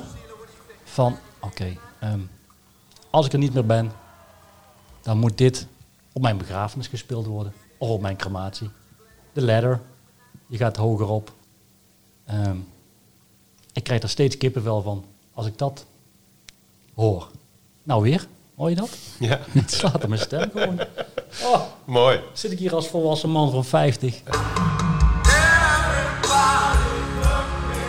Yeah, see that works, harmony. Everybody wants salvation.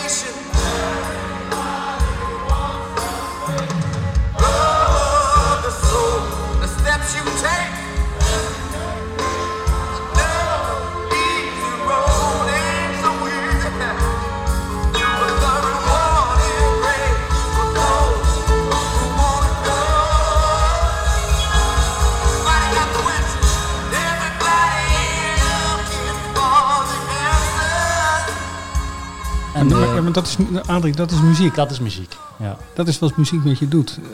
Weet je, bij mij moeten ze de Hole of the Moon van de Waterboys draaien. En Purple Rain. Dat weet ik ook wel. En jij? Ehm, Dat is wel handig. Dan heb ik hem voor later Ik over een denk jaar of het. 30. Wat? Het? Wist je dat Nee. Prins ook Hole in the Moon één keer heeft gecoverd? Ja. Dat heb ik wel gehoord, maar ik heb, ik heb hem nooit gehoord. Ik, heb hem. Heb jij hem? Zal ik me even laten horen? Graag. Komt hij aan.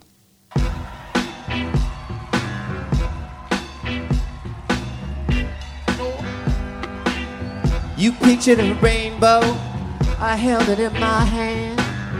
You had flashes, but I, I saw the whole plan. You wandered out in the world, and I, I stayed in my room.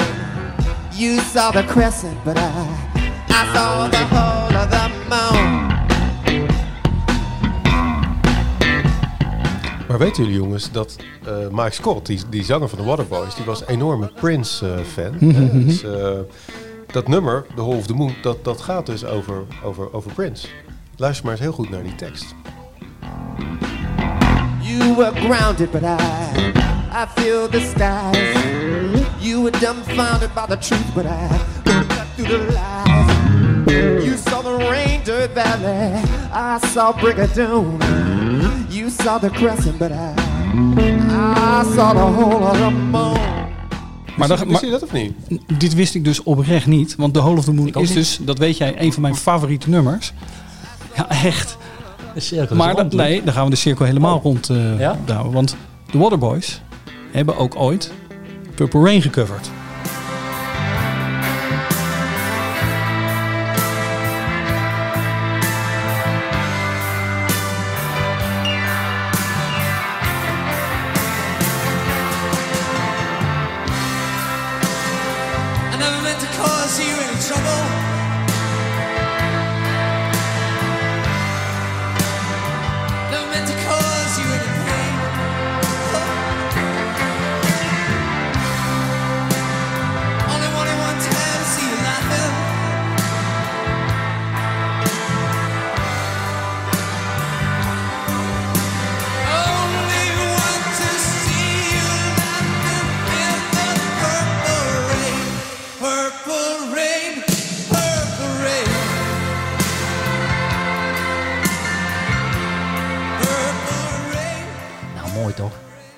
Samen zo. Tot verdomme Er zijn jongens. zoveel cirkels. Maar jullie ons dat echt niet, jongens? Ik wist het echt I niet. wist the rainbow, you held it in your hands too far, too, Too soon. You saw the whole of the moon. moon. Je bent veel te snel, heel groot eh, geworden. Wauw. En, en, ik, en, ik, en ik ben hier maar... Wie ben ik nou helemaal? Ik ben hier die Schotse man met zijn gitaartje die... En Nooit geweten. daar gaat- daar gaat dat. nooit, Ik ga daar nu nooit geweten. heel We hebben het gewoon over mijn favoriet. Ah, nou ja. Ja, jouw twee favorieten. Ja. Ja. Nee, maar dat maakt Cirkel inderdaad, want dat is de Waterboys, die coveren dan Purple Rain. En ik denk dat Prince niet het type man is die alle platen van de Waterboys in zijn Denk het ook platenkast heeft staan. Dus, dus het, het maakt het ook iets meer logisch. Het is misschien ook een beetje van dit hem, eh, maar dat hij dat nummer covert. Wauw. Te gek. Mooi om te weten. Mooi om te horen. Ja.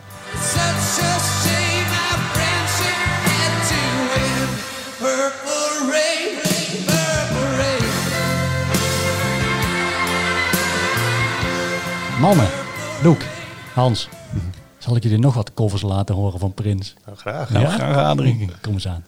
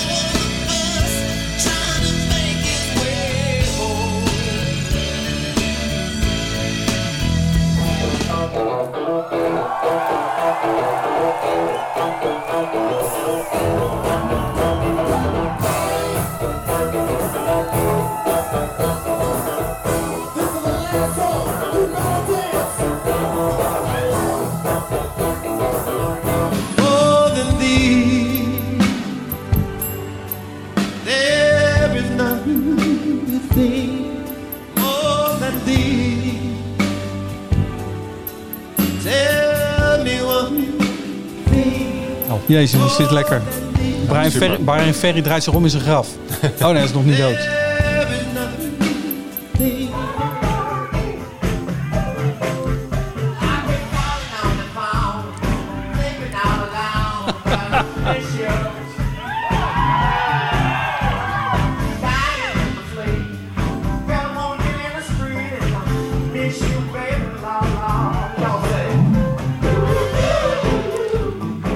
Ongelooflijk lekkere Jagger-imitatie, joh.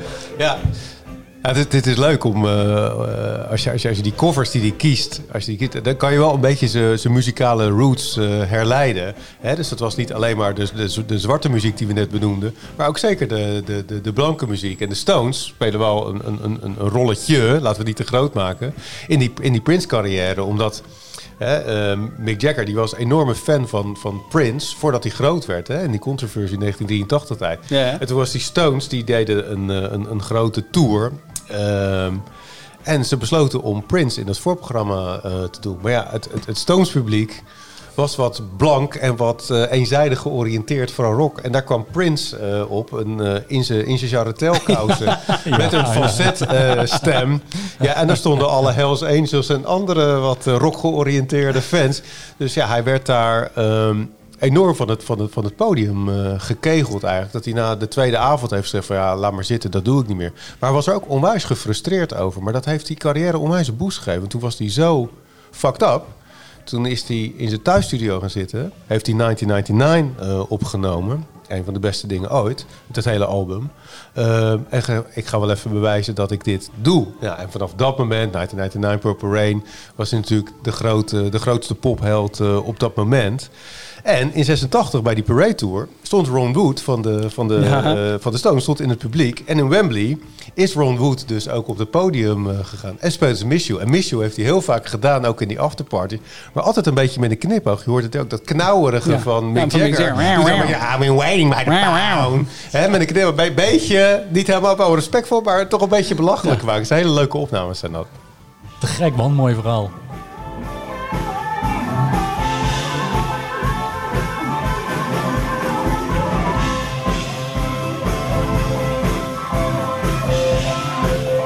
Jongens. Wat is- ik wil zo graag jongens zeggen. Laat Adrie jongens lekker een keertje zeggen gewoon. Jongens, waar zitten we nou eigenlijk? Ja, ik ben het ook kwijt. Het is zoveel. Het is veel te veel. We gaan kriskras door die hele carrière van Prince heen. Ik, ik weet het. Nee, Ik nee, weet, maar het klopt nog. Volgens mij zitten we een beetje begin 2000. Dat, dat was Mhm. waar we waren bij die One Night Alone Tour. Ja. En, Je overtuigd Larry Graham, muzikale ja. vrijheid, eh, totale creatieve vrijheid Ja. ook. Het was een hele Daar interessante. Ik vond het een hele interessante periode op dat moment, omdat hij eh, de muziek die hij op dat moment maakte, ja, was enorm jazz georiënteerd. En Ja. ehm, ja, ik vond dat enorm kloppen op dat moment in die carrière van, eh, van, van Prince. Hè. Hij was, was een rijper, volwassener aan het worden. Mhm. Het heeft er altijd al een beetje in eh, dacht, Nou, die gaat echt een beetje die jazzkant op. En te meer ook omdat de Rainbow Children album wat toen uitkwam was al vrij jazzy georiënteerd. Dat Hij- een nieuwsalbum had je toen toch? ja, hij verzamelde jazzmuzikanten misschien. En dan heb je het nieuwsalbum, ik denk misschien een van de minst bekende albums van, eh, Ja. van, van, van, van Prince. Ja, ook dat verhaal is wel weer hartstikke grappig, want daar staan, nieuws staat voor North, East, West, South. Ja. Maar hij heeft toen wat muzikanten opgebeld die dag van jongens, we gaan een beetje muziek maken, we gaan een beetje jammen met elkaar. En die muzikanten die waren gewoon in de veronderstelling van nou oké, gaan we dat doen, lekker, we gaan muziek maken. De band heeft gelopen, alles is opgenomen. En het album was weer eh, in één dag klaar. Net zoals als de Black Album eh, eigenlijk. Ja.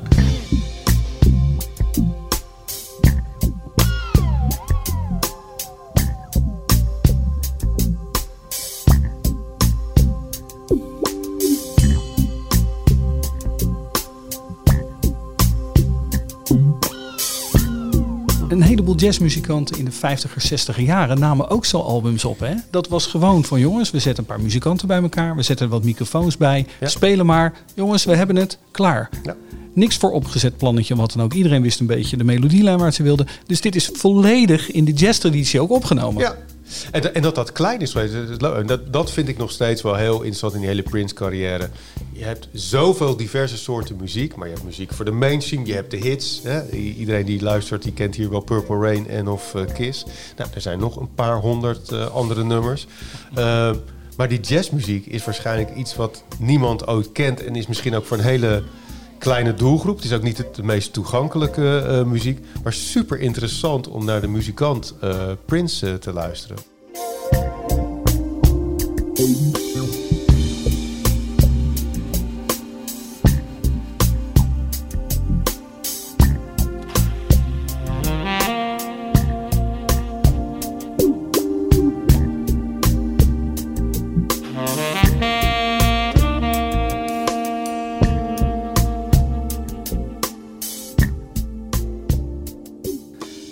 Jazzalbum verwacht je eigenlijk dat hij weer wat anders gaat doen. Misschien wel blues. Of, of misschien wel met een groot koor. Of eh, alleen maar gospel. Of Ja. Duitse slagers. Want het was een periode. Het was een, En de nee, maar- marsupilami. ja, ja, maar daar kon hij de rechten niet van krijgen. Die lagen bij Danny. Ik ken nog wel wat bootlegs van eh, carnavalhits van Prins. Van de carnavalshits Ja. van Prins. Nee, maar en, het was eigenlijk een periode dat hij echt gewoon eigenlijk een beetje misschien wel zoekende was. Maar wat doet hij? Ja, hij, keert toch weer terug naar, eh, naar het grote publiek. Ja. Want daar was in 2004 eh, Musicology, het album en, eh, en de tour. Eh, hij besteedde heel veel aandacht, eh, wat hij in de jaren daarvoor helemaal niet meer had gedaan, aan promotie. Dus Ja. er was heel veel eh, tv-werk. En dat werd echt neergezet. Terwijl als fan dacht je, het is helemaal geen terugkeer. Hij- Die man is nooit weg geweest. Nee. Maar voor het grote publiek was het, hey, Prince is back. En dat, dat liet hij gewoon lekker gebeuren. En dat waren allemaal sold-out stadium tours. En dat was in 2004 ook eh, Ja. de tour die het meeste geld heeft miljoenen opgeleverd. Ja, maar, maar zou dat dan een reden zijn dat hij dat gedaan heeft? Gewoon puur voor het geld? Of niet? Ik, hij had toch geld genoeg? Ja, nee, daarom. Dus, Ja. dus zou het, dat kan het niet alleen Ik- dat zijn, lijkt misschien mij. toch het gevoel weer onder de fans. Misschien wilden de fans dit. Misschien heeft hij toch internet aangesloten en gelezen. Ja. Ehm, we willen meer Prins hebben. Hè, de old school misschien. In Ja. een nieuw jasje, in een nieuw sausje. Mhm. Ehm, kom terug, Prins. Hè, we hebben Ja. je nodig. Hè? Ja, ja, Eh, de normale Prins. Hè? De, de niet jazzy Prins. Nou, ik, denk, Eh, ik denk dat vanaf, vanaf die periode, van 2004 tot zijn dood, hij is altijd platen uit blijven brengen. Die, eh, daar zitten een paar klappers tussen, daar zitten een paar medium eh, dingen, dingen tussen. Maar ik denk dat hij op dat moment heeft gedacht van, ik ga gewoon genieten van Lekker alles wat spelen. ik op Ja. dat moment al heb gecreëerd. En ik vind het ook leuk om nieuwe muziek te maken, nieuwe muzikanten een platform geven, want dat bleef hij doen. Hè, om die te helpen en dergelijke. Zelf steeds meer naar de achtergrond eh, toe, soms, soms ook niet. Eh, maar die concerten, ja, die waren allemaal Ja. helemaal geweldig. Maar ook divers. Want het, het was dus niet alleen maar de stadionconcerten. Nee, hij dook opeens op North Sea.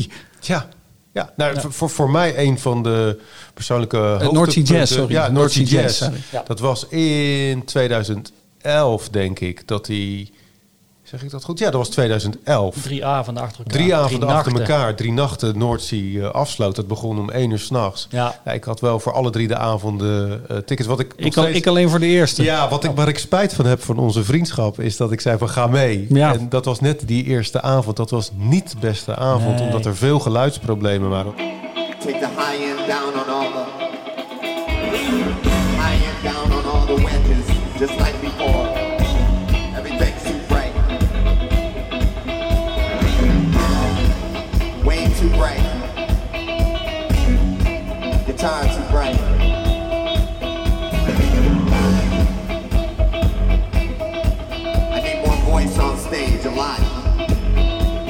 too bright too. Ze kregen dat geluid niet onder controle, Nee. was jammer. One, two, one, two. Turn me up on stage, boys.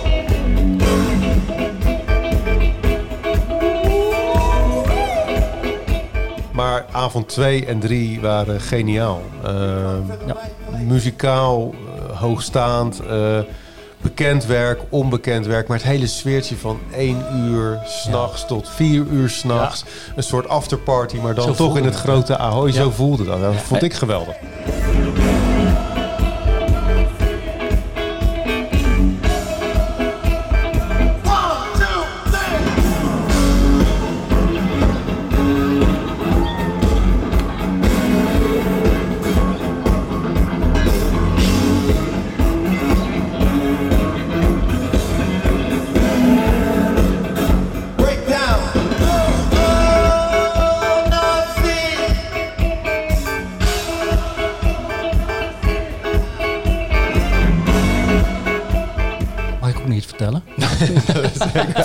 Nou toch niet de hele tijd We aan. hadden het over de, eh, de cirkel. De cirkel is rond. Nou, mijn cirkel was rond in 2013. Hè? Dus ik heb, ben begonnen met vertellen dat ik de plaat van mijn zus permanent geleend heb, Purple Rain.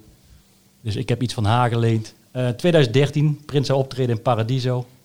Eh, een, een early en een late concert. En zij zei van, oké, ik ga ook tickets hè, proberen te bemachtigen. Ehm, dat is goed, ik ga tickets bemachtigen. Voor het eerst kon ik geen tickets bemachtigen. En mijn zus belt op van, ik heb twee tickets. Eh, ja, oké. En toen zei ze van, ja, wie neem je mee? Ik zeg, nou, zullen wij samen gaan? Nou, en dat was voor mij het moment van, ja, de cirkel is rond. Want hè, door mijn zus ben ik Prins-fan geworden. Meer dan Prins-fan geworden. En nu mag ze eindelijk...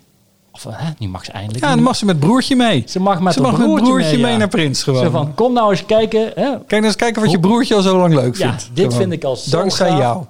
Ja, en wij stonden, wij kwamen binnen, het was al best vol. Ik zeg, zullen we iets naar voren gaan? Dus we stonden halverwege. En eh, nou ja, weet je, zij stond naast mij en ja, Prins komt op en al die mimiek. Prins had echt, wij zaten in het early concert, zaten wij trouwens. De betere, vond ik, van de, hè, eh, eh, van de twee. En zij kon alle mimiek zien van Prins, hoe die gitaar aan het spelen was. Hè, dus als er een, een, een snaar moest eh, schreeuwen, dan zag je aan zijn mondhoeken, aan zijn gezicht, dat die gitaar aan het schreeuwen was. En nou, zij was echt van, ik heb echt kippenvel, zegt ze van. Ik ben zo blij dat ik hem gezien heb. Nu eindelijk een keer live. dus pas in 2013, terwijl we eigenlijk in 1987 zouden gaan, zijn we er samen naartoe geweest. prachtig. Ja.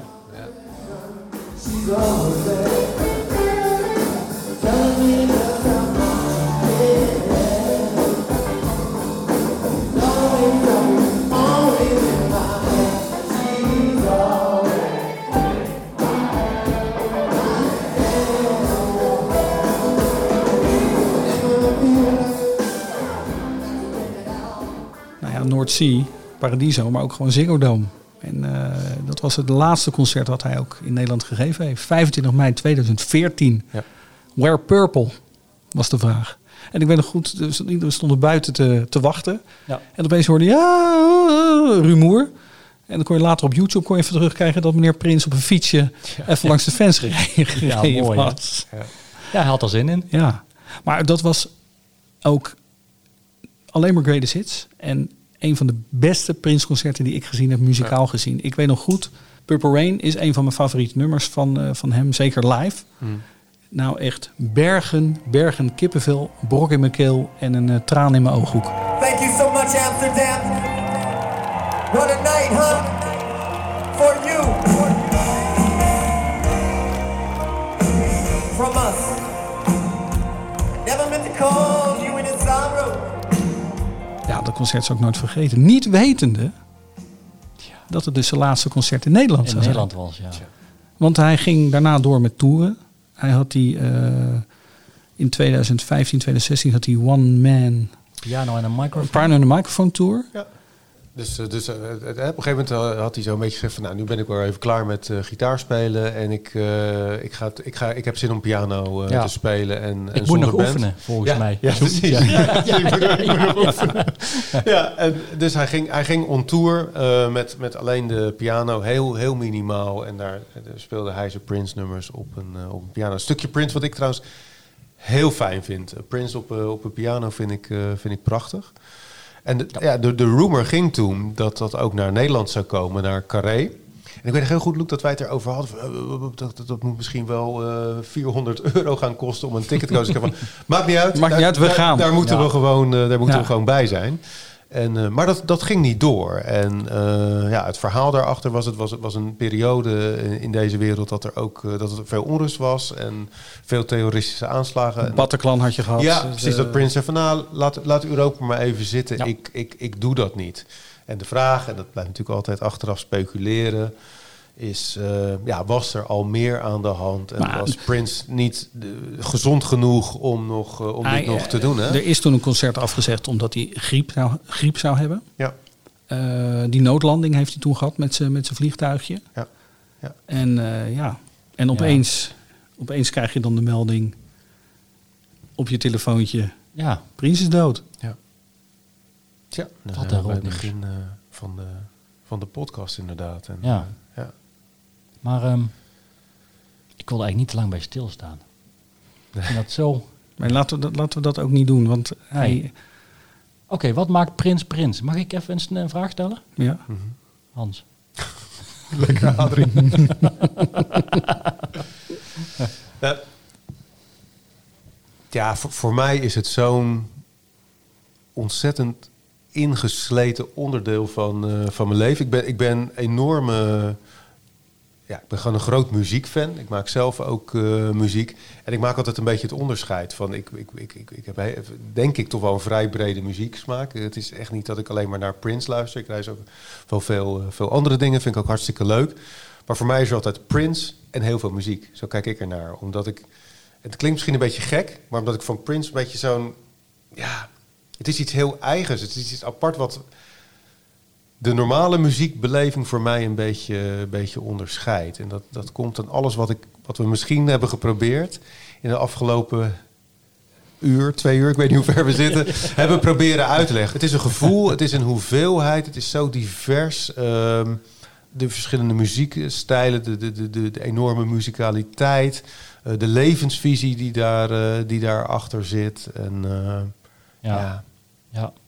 De- de- de- zeker de concertbeleving voor mij zijn er, zijn er geen vergelijkbare concerten geweest. Dat gevoel voor, tijdens en na een Prince-concert is, kan ik niet goed onder woorden eh, brengen. Maar voor mij is dat altijd, afgezien van Noord Jazz de eerste keer, maar Ja. is altijd een waanzinnig fijn gevoel geweest.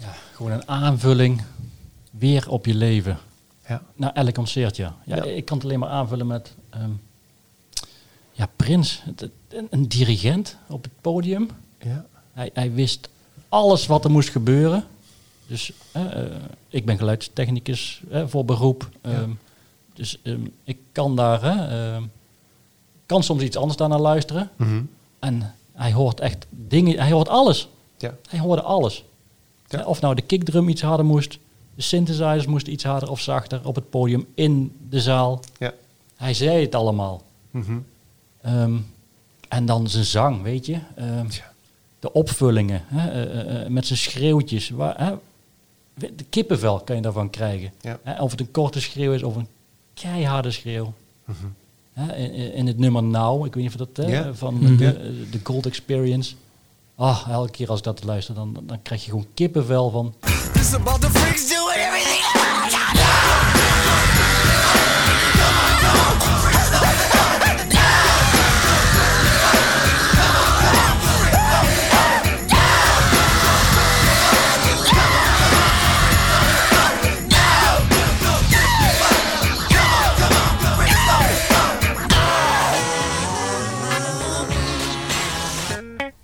Het heeft bijna nut. Het heeft een functie Ja. om, om, eh, ja, om te schreeuwen. Ja, eh, Ja. gaaf. En, en misschien, ja, super Adrie. En misschien hebben we dat nog te weinig benoemd. Luc, ik weet dat we een lange podcast maken, maar het is, het is nodig. We hebben de, de, de muzikant Prince misschien... We kunnen misschien nog net iets meer eh, benoemen. Dus, dus Adrie heeft het inderdaad over hè, vanuit zijn professie als geluidstechnicus en de dirigent. Nou, eh, De gitaar- multi- de multi-instrumentalist. ja, maar, maar gitaar, dat weet iedereen. Ehm, eh, ehm, eh, eh, eh, piano, dat weten denk ik wel veel mensen. Maar het was ook nog eens een fantastische bassist. Eh, een Goeie drummer. fantastische drummer.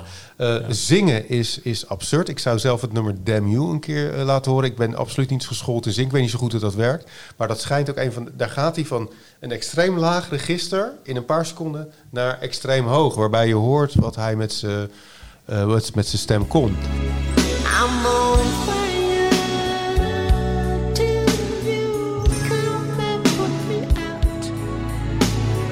All I'm trying to say is that my psychedelic shouts when you damn me, damn you. Als je dan kijkt naar drum programming, wat hij vooral eh, Met de in in Lindrum. eten met de, Nou, met van de Lindrum, waar- een koning. waar- waarvan de uitvinder van de Lindrum zelfs tegen over Prince zei van... ja, maar jongen, wat jij doet met die drumcomputer... Zo heb ik het niet bedacht, hè, die Nee. drumcomputer. Jij doet er iets niet. mee wat helemaal niet kan, eigenlijk. Wat niet in het boekje staat. Ja.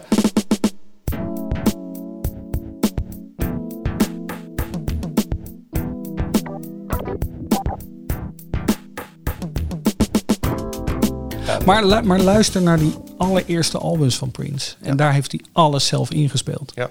En dat is gewoon funk. Het is, het is, het is ja, alles. Maar, maar toen al eigenwijs, hè, want wat, wat was dat? Ah, is 9, eh, 78 dat het eerste album uitkwam, denk ik. Of 77 Eh, For You. 77, 78. Ja, maar, maar daar speelde hij zijn eerste album, maar hij eiste... het, het- daar zat de eigen wijsheid al in. Van oké, ik mag een plaat maken. Ieder jong jochie is daar blij mee. Maar ja, ik vind het best. Maar ik Ja. wil wel alle instrumenten zelf eh, inspelen. Ja. En dat heeft hij ook gedaan, hè? En geproduceerd. En geproduceerd. Ik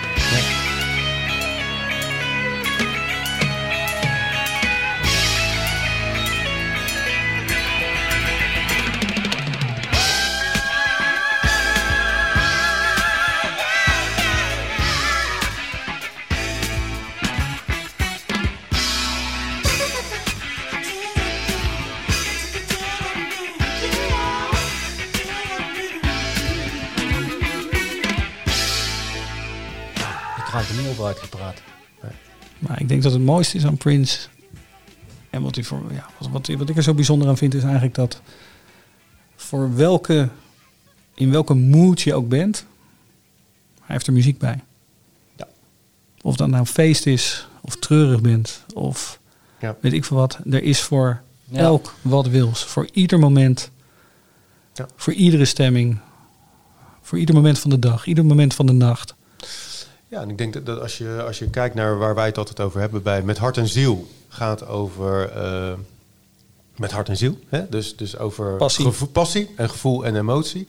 En dat moeten we ook vooral niet vergeten. Dat, eh, ik vind Prince heel gaaf. We kunnen het hebben over virtuositeit in eh, muzikaliteit. Dat is absoluut een feit. Maar uiteindelijk gaat het erom welk gevoel en welke emotie je meegeeft. En het voorbeeld wat Adrie net noemde, een gitaarsolo geven, dat, dat kunnen heel veel mensen. Maar het moet ook je in je donder raken. En het raakt hem zelf in zijn donder, in zijn mimiek, in zijn gezicht. Maar ook jij als luisteraar. En daar gaat het uiteindelijk om. Prince was de beste en zal altijd blijven performer puur zang. Omdat hij er altijd voor 300% was. Het was nooit, ik moet even spelen, ik ga spelen. Nee. Ik wil spelen. Ik zal altijd spelen.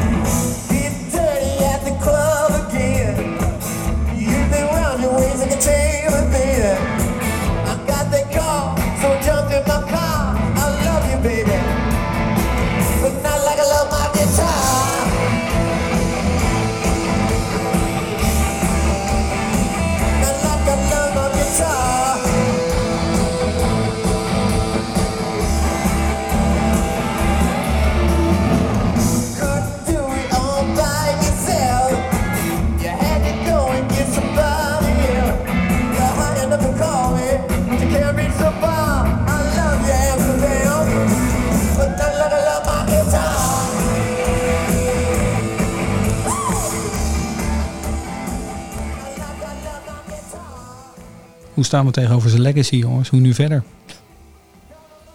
Ehm, Want er wordt, wel, ik, ik- er wordt wel heel veel uitgebracht nu, Ja. waar hij zelf geen zeggenschap meer over heeft. Ik, eh, ik zag recent dat er zelfs een make-up lijn is die zijn naam draagt. Nou, niet zijn naam, dat eh, zijn symbool. ja, Eh, eyeliner, oogschaduw. Ja, daar word ik een beetje heel erg treurig van als ik dat zo zie. Dan denk ik van ja, sorry hoor. maar- uitgemolken wordt. ja, Ja. Ik vind het jammer. en dat, dat wil, Ja. ik wil dat eigenlijk niet, niet zien, niet weten. En, en ik wil gewoon. Ik, ik vind het soms al lastig als er eh, alles uit die volt komt eh, en op plaat wordt gezet waarvan ik denk van oeh. Er is een reden waarom dat misschien wel in de kelder gelegen heeft. Of in de kluis gelegen Ja. heeft. En toch, Het is, als fan, ja, wil het toch weer wel horen. ja, maar jij als hamster. Wil alles hebben. Ja, maar, maar dan is het nu officieel. En het leuke van hamster is, is dat Ja. het niet officieel is. Illegaal. Ja, Via een bootleg. ja. Ja. Ja, je hebt gelijk, Loek. Het, het, het heeft iets dubbels, eh, denk ik. Hij hij heeft het ook een beetje slecht geregeld, een beetje slecht achtergelaten. Dus die Mhm. Ja. erfgenamen, die, eh, die, eh, die, die gaan daar alles. nu een beetje op hun manier mee eh, aan de hal. Dus je kan in eh, Paisley Park, net zoals je dat in, eh, hoe, heet die, eh, hoe heet het huis van, van Elvis? Graceland. Graceland, dat je, de Graceland Tours heb je ook de, de, de, de Paisley Park Tours. Ja, de vraag is of je dat allemaal moet willen. Of, of Prince dat allemaal gewild zou hebben. Hetzelfde gaat voor die, voor die uitgaven. Dus ja, aan de ene kant smullen voor Prince-fans. Want we krijgen dingen te horen in een geluidskwaliteit zoals Ja. we die altijd wilden hebben. Ja. Aan de andere kant denk ik ook van... ja, de man was echt een artiest en heeft het be- bewust... jij noemt het de Volt, hè, zo wordt het ook genoemd... in, in de kluis gehouden... eh, omdat hij het blijkbaar niet goed genoeg vond. En nu wordt het gewoon op straat eh, gegooid. Dus het, het, het, heeft iets, het heeft inderdaad iets dubbels. Eh, eyeliner en dergelijke. Ja, bezopen. Ja. Ja. Ja. Wat ik, wat ik trouwens wel een geruststellende gedachte vind, jongens, is dat als wij eh, pak een beetje 30 jaar verder zijn, en we zijn ergens rond de 80, dat als we dan in een bejaardentehuis zitten, of waar we dan ook mogen wonen, of een aanleunwoning, of gewoon nog waar we nu wonen, dat er dan wel, godverdomme, nog lekker gewoon Prins door de speakers aan het knallen is. Hè? En dat is eigenlijk gewoon dan onze Beethoven. Ja. Want Frank Sinatra is voor mijn pa, is Prins voor mij. Ja, dat denk ik ook. En ik denk dat ook steeds meer mensen dat wel eh, inzien. Ehm, dat, dat, kijk, je hebt natuurlijk gehad eh, dat die zelf in onze eh, eigen wijsheid of control freak zijn. eh, dingen niet wilde, op het internet wilde gooien. Als er iets op YouTube stond, werd het er vanaf gehaald. Terwijl juist eh, die beelden, die live beelden, die laten zien van... Wow man, wat, wat, wat, wat kan deze man allemaal? Ik vond dat eigenlijk niet zo heel slim om te zeggen van... nee, dat mag niet, dat, dat, dat wil ik niet. Nu is dat allemaal op YouTube eh, te, te, te vinden. Met alle respect voor iedereen die eh, de afgelopen jaren ons ontvallen is. Als je kijkt naar de Prince Memorials, die er elk jaar nog worden er, eh, gehouden, Ja. dat, is, dat is niet normaal. Dus ik denk dat die, dat die ja, waardering, die wordt alleen maar groter en, eh, en meer. En ik zou ook iedereen die naar deze podcast heeft geluisterd en denk van Prince. Ja. Van, ah, nou, gast, die gasten praten er wel met passie over. Ik wil het toch weer. Ga vooral eens op YouTube kijken en, en kijken naar die fantastische live beelden. Ja, en dan, gewoon Prins, concert. Ja, ja of, Prins, of, bootleg, of, zwengel, Prins live. of zwengel Spotify aan en eh, pik eens een album die je niet kent. Ja. Ja. Ja. Ja. Doe gewoon eens op die manier. Maar hoe gaaf is het toch, jongens, dat wij in dezelfde tijdperk hebben mogen leven. Ja. ja. Ja? We, hebben echt, we hebben echt hele mooie hè, eh, artiesten gehad, maar dat we in hetzelfde tijdperk als Prins hebben mogen leven. Nou, en, en, En mee dat mogen we maken. inderdaad heel veel keren gezien hebben. Ja. Ja. Want je zal maar een enorme Beatle-fan geweest zijn in de 60 jaren. Die gasten hebben geloof ik tot 64 opgetreden, daarna nooit meer. Nou jongens, ik lig er vanaf. Ehm, zullen we er nog eentje doen? Adrie, jouw Prince nummer. Oké, mijn Prinsnummer. Mm. En waarom? Op dit moment. En waarom, en waarom, en waarom Adrie? Waarom je hem wil laten horen? Ja, morgen is het een ander nummer. Maar nu met dit gesprek, wat we nu deze avond hebben gedaan, ehm, Musicology. Eigenlijk is het toch weer mijn prins. Na die jazz komt mijn prins, komt echt weer terug in mijn leven. En Op het witte paard. dat ook weer niet. maar de muziek is gewoon onmiskenbaar prins. En ik ben er weer. Hè, ehm, laat maar horen. Ik, eh, je voelt het wel.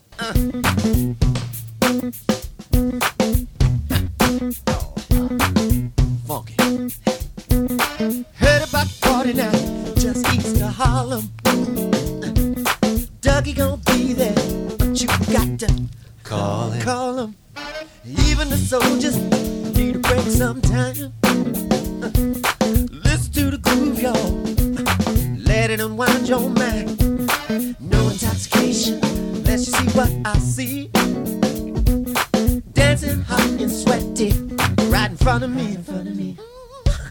Oh, call it what you like. I'ma call it how it be. This is just another one of God's gifts. musicology. Hoorde je de kleine... Oh joh, dit, Gewoon eventjes... mm, eh, even een, een gilletje, een dingetje. En hè, mm, even... ah, ik kan het niet nadoen, maar... Ja, je was dichtbij, Adrie. maar dat, Ah, knip dat er maar uit. Nee. Loek, jouw momentje. Ja. Ja, eh, eh, eh, ja, er is zoveel keus. ja. Nou, ik, ik, ehm, Baby I'm a Star. Nice. Dat is denk ik, als je het hebt over, over dat is ook gewoon de, de mood waar ik ook in ben op dit moment. Het is Baby I'm a Star, het is feest. Ja. Het, Ja. het concert is bijna klaar. Hij had het ook altijd bij, eh, bij de Sign of the Times concert, eindigt niet met It's Gonna Be a Beautiful Night. Ja. En dat is het lekkere ook van, ja, er ontstaat er wat, de band gaat los, de zang gaat los, alles gaat los. En ja, dat is een beetje ook eigenlijk mijn moed naar deze, eh, deze marathon. Nice. Baby I'm a Star. Look me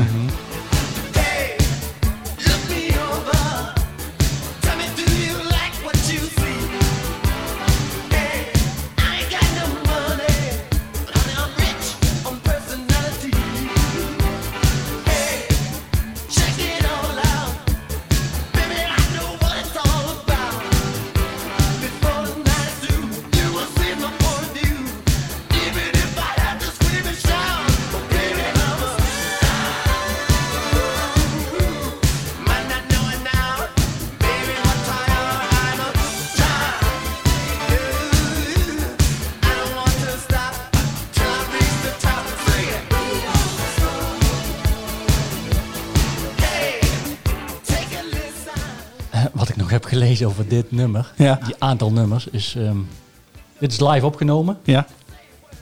Nou, dat hij van het podium afging. Dat hij de audiotruc inging.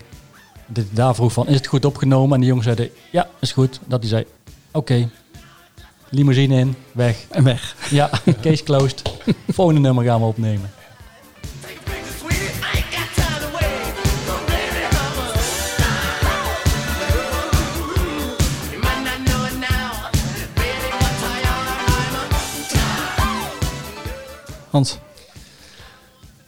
Het is, het is, wat jij zei, het is, heel moeilijk, maar, maar, maar toch ook niet voor mij. Ik, wat ik heel leuk vind om, eh, om te laten horen is eh, het nummer Way Back Home. En dat stond op eh, Artificial Age, een van zijn van laatste platen. Daarna zijn er nog twee platen uitgekomen. Maar eigenlijk, als je naar dit nummer luistert, Way Back Home, zoals ik het interpreteer, staat het terug voor ehm, terugkeren naar eh, waar het gebeurde. In zijn geval eh, de, de hemel. En je kan het romantiseren, misschien ook niet. En lijkt het erop dat dat nummer, dat hij al besefte van... het is misschien al een beetje, een beetje klaar. De drumbeat klinkt als een, eh, een hartslag. Ehm, hij vertelt over zijn leven in dat nummer. Hoe hij zijn leven ziet of zag. Ehm, en nu zegt hij, I try to find my way back home.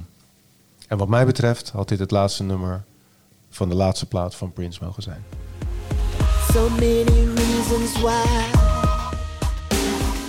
There's so many reasons why I don't belong here. But now that I am mine, without fear, I am gonna conquer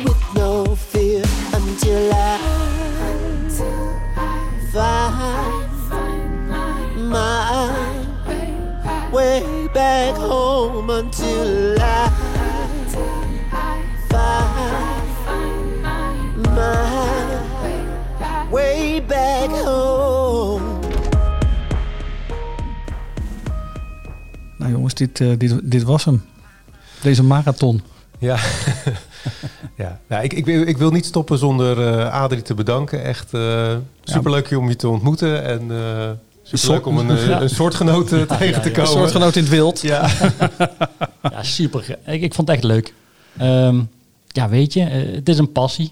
Ja. En dat, die kan ik eindelijk delen. Eh, eh, met jullie, met hart en ziel. En, eh, Ja, thuis, thuis kan je het niet kwijt, hè? Bij je vrouw. ehm, Wil je Nou. erover praten, Adrie? eh, Maar dan doen we dat in is dan doen we dat in muziek. Maar de doen kinderen... eh, eh, eh, Ja, maar als je erover wil Niet praten, ik denk dat we dat in een andere podcast moeten Zullen we dat doen. Gewoon Deel over- twee. Over deel 2, over Ja. man- mannenproblemen. Gewoon. hey, dankjewel Adrie. ja, graag gedaan.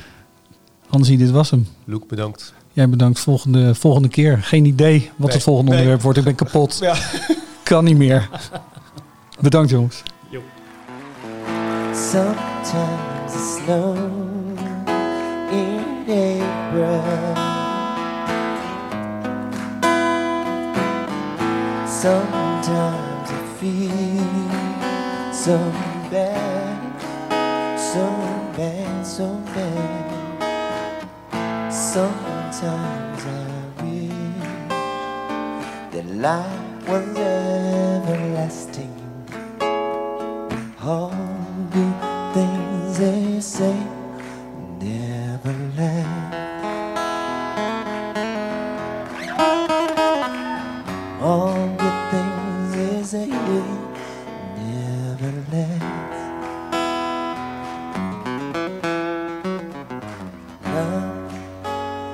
Love, it isn't love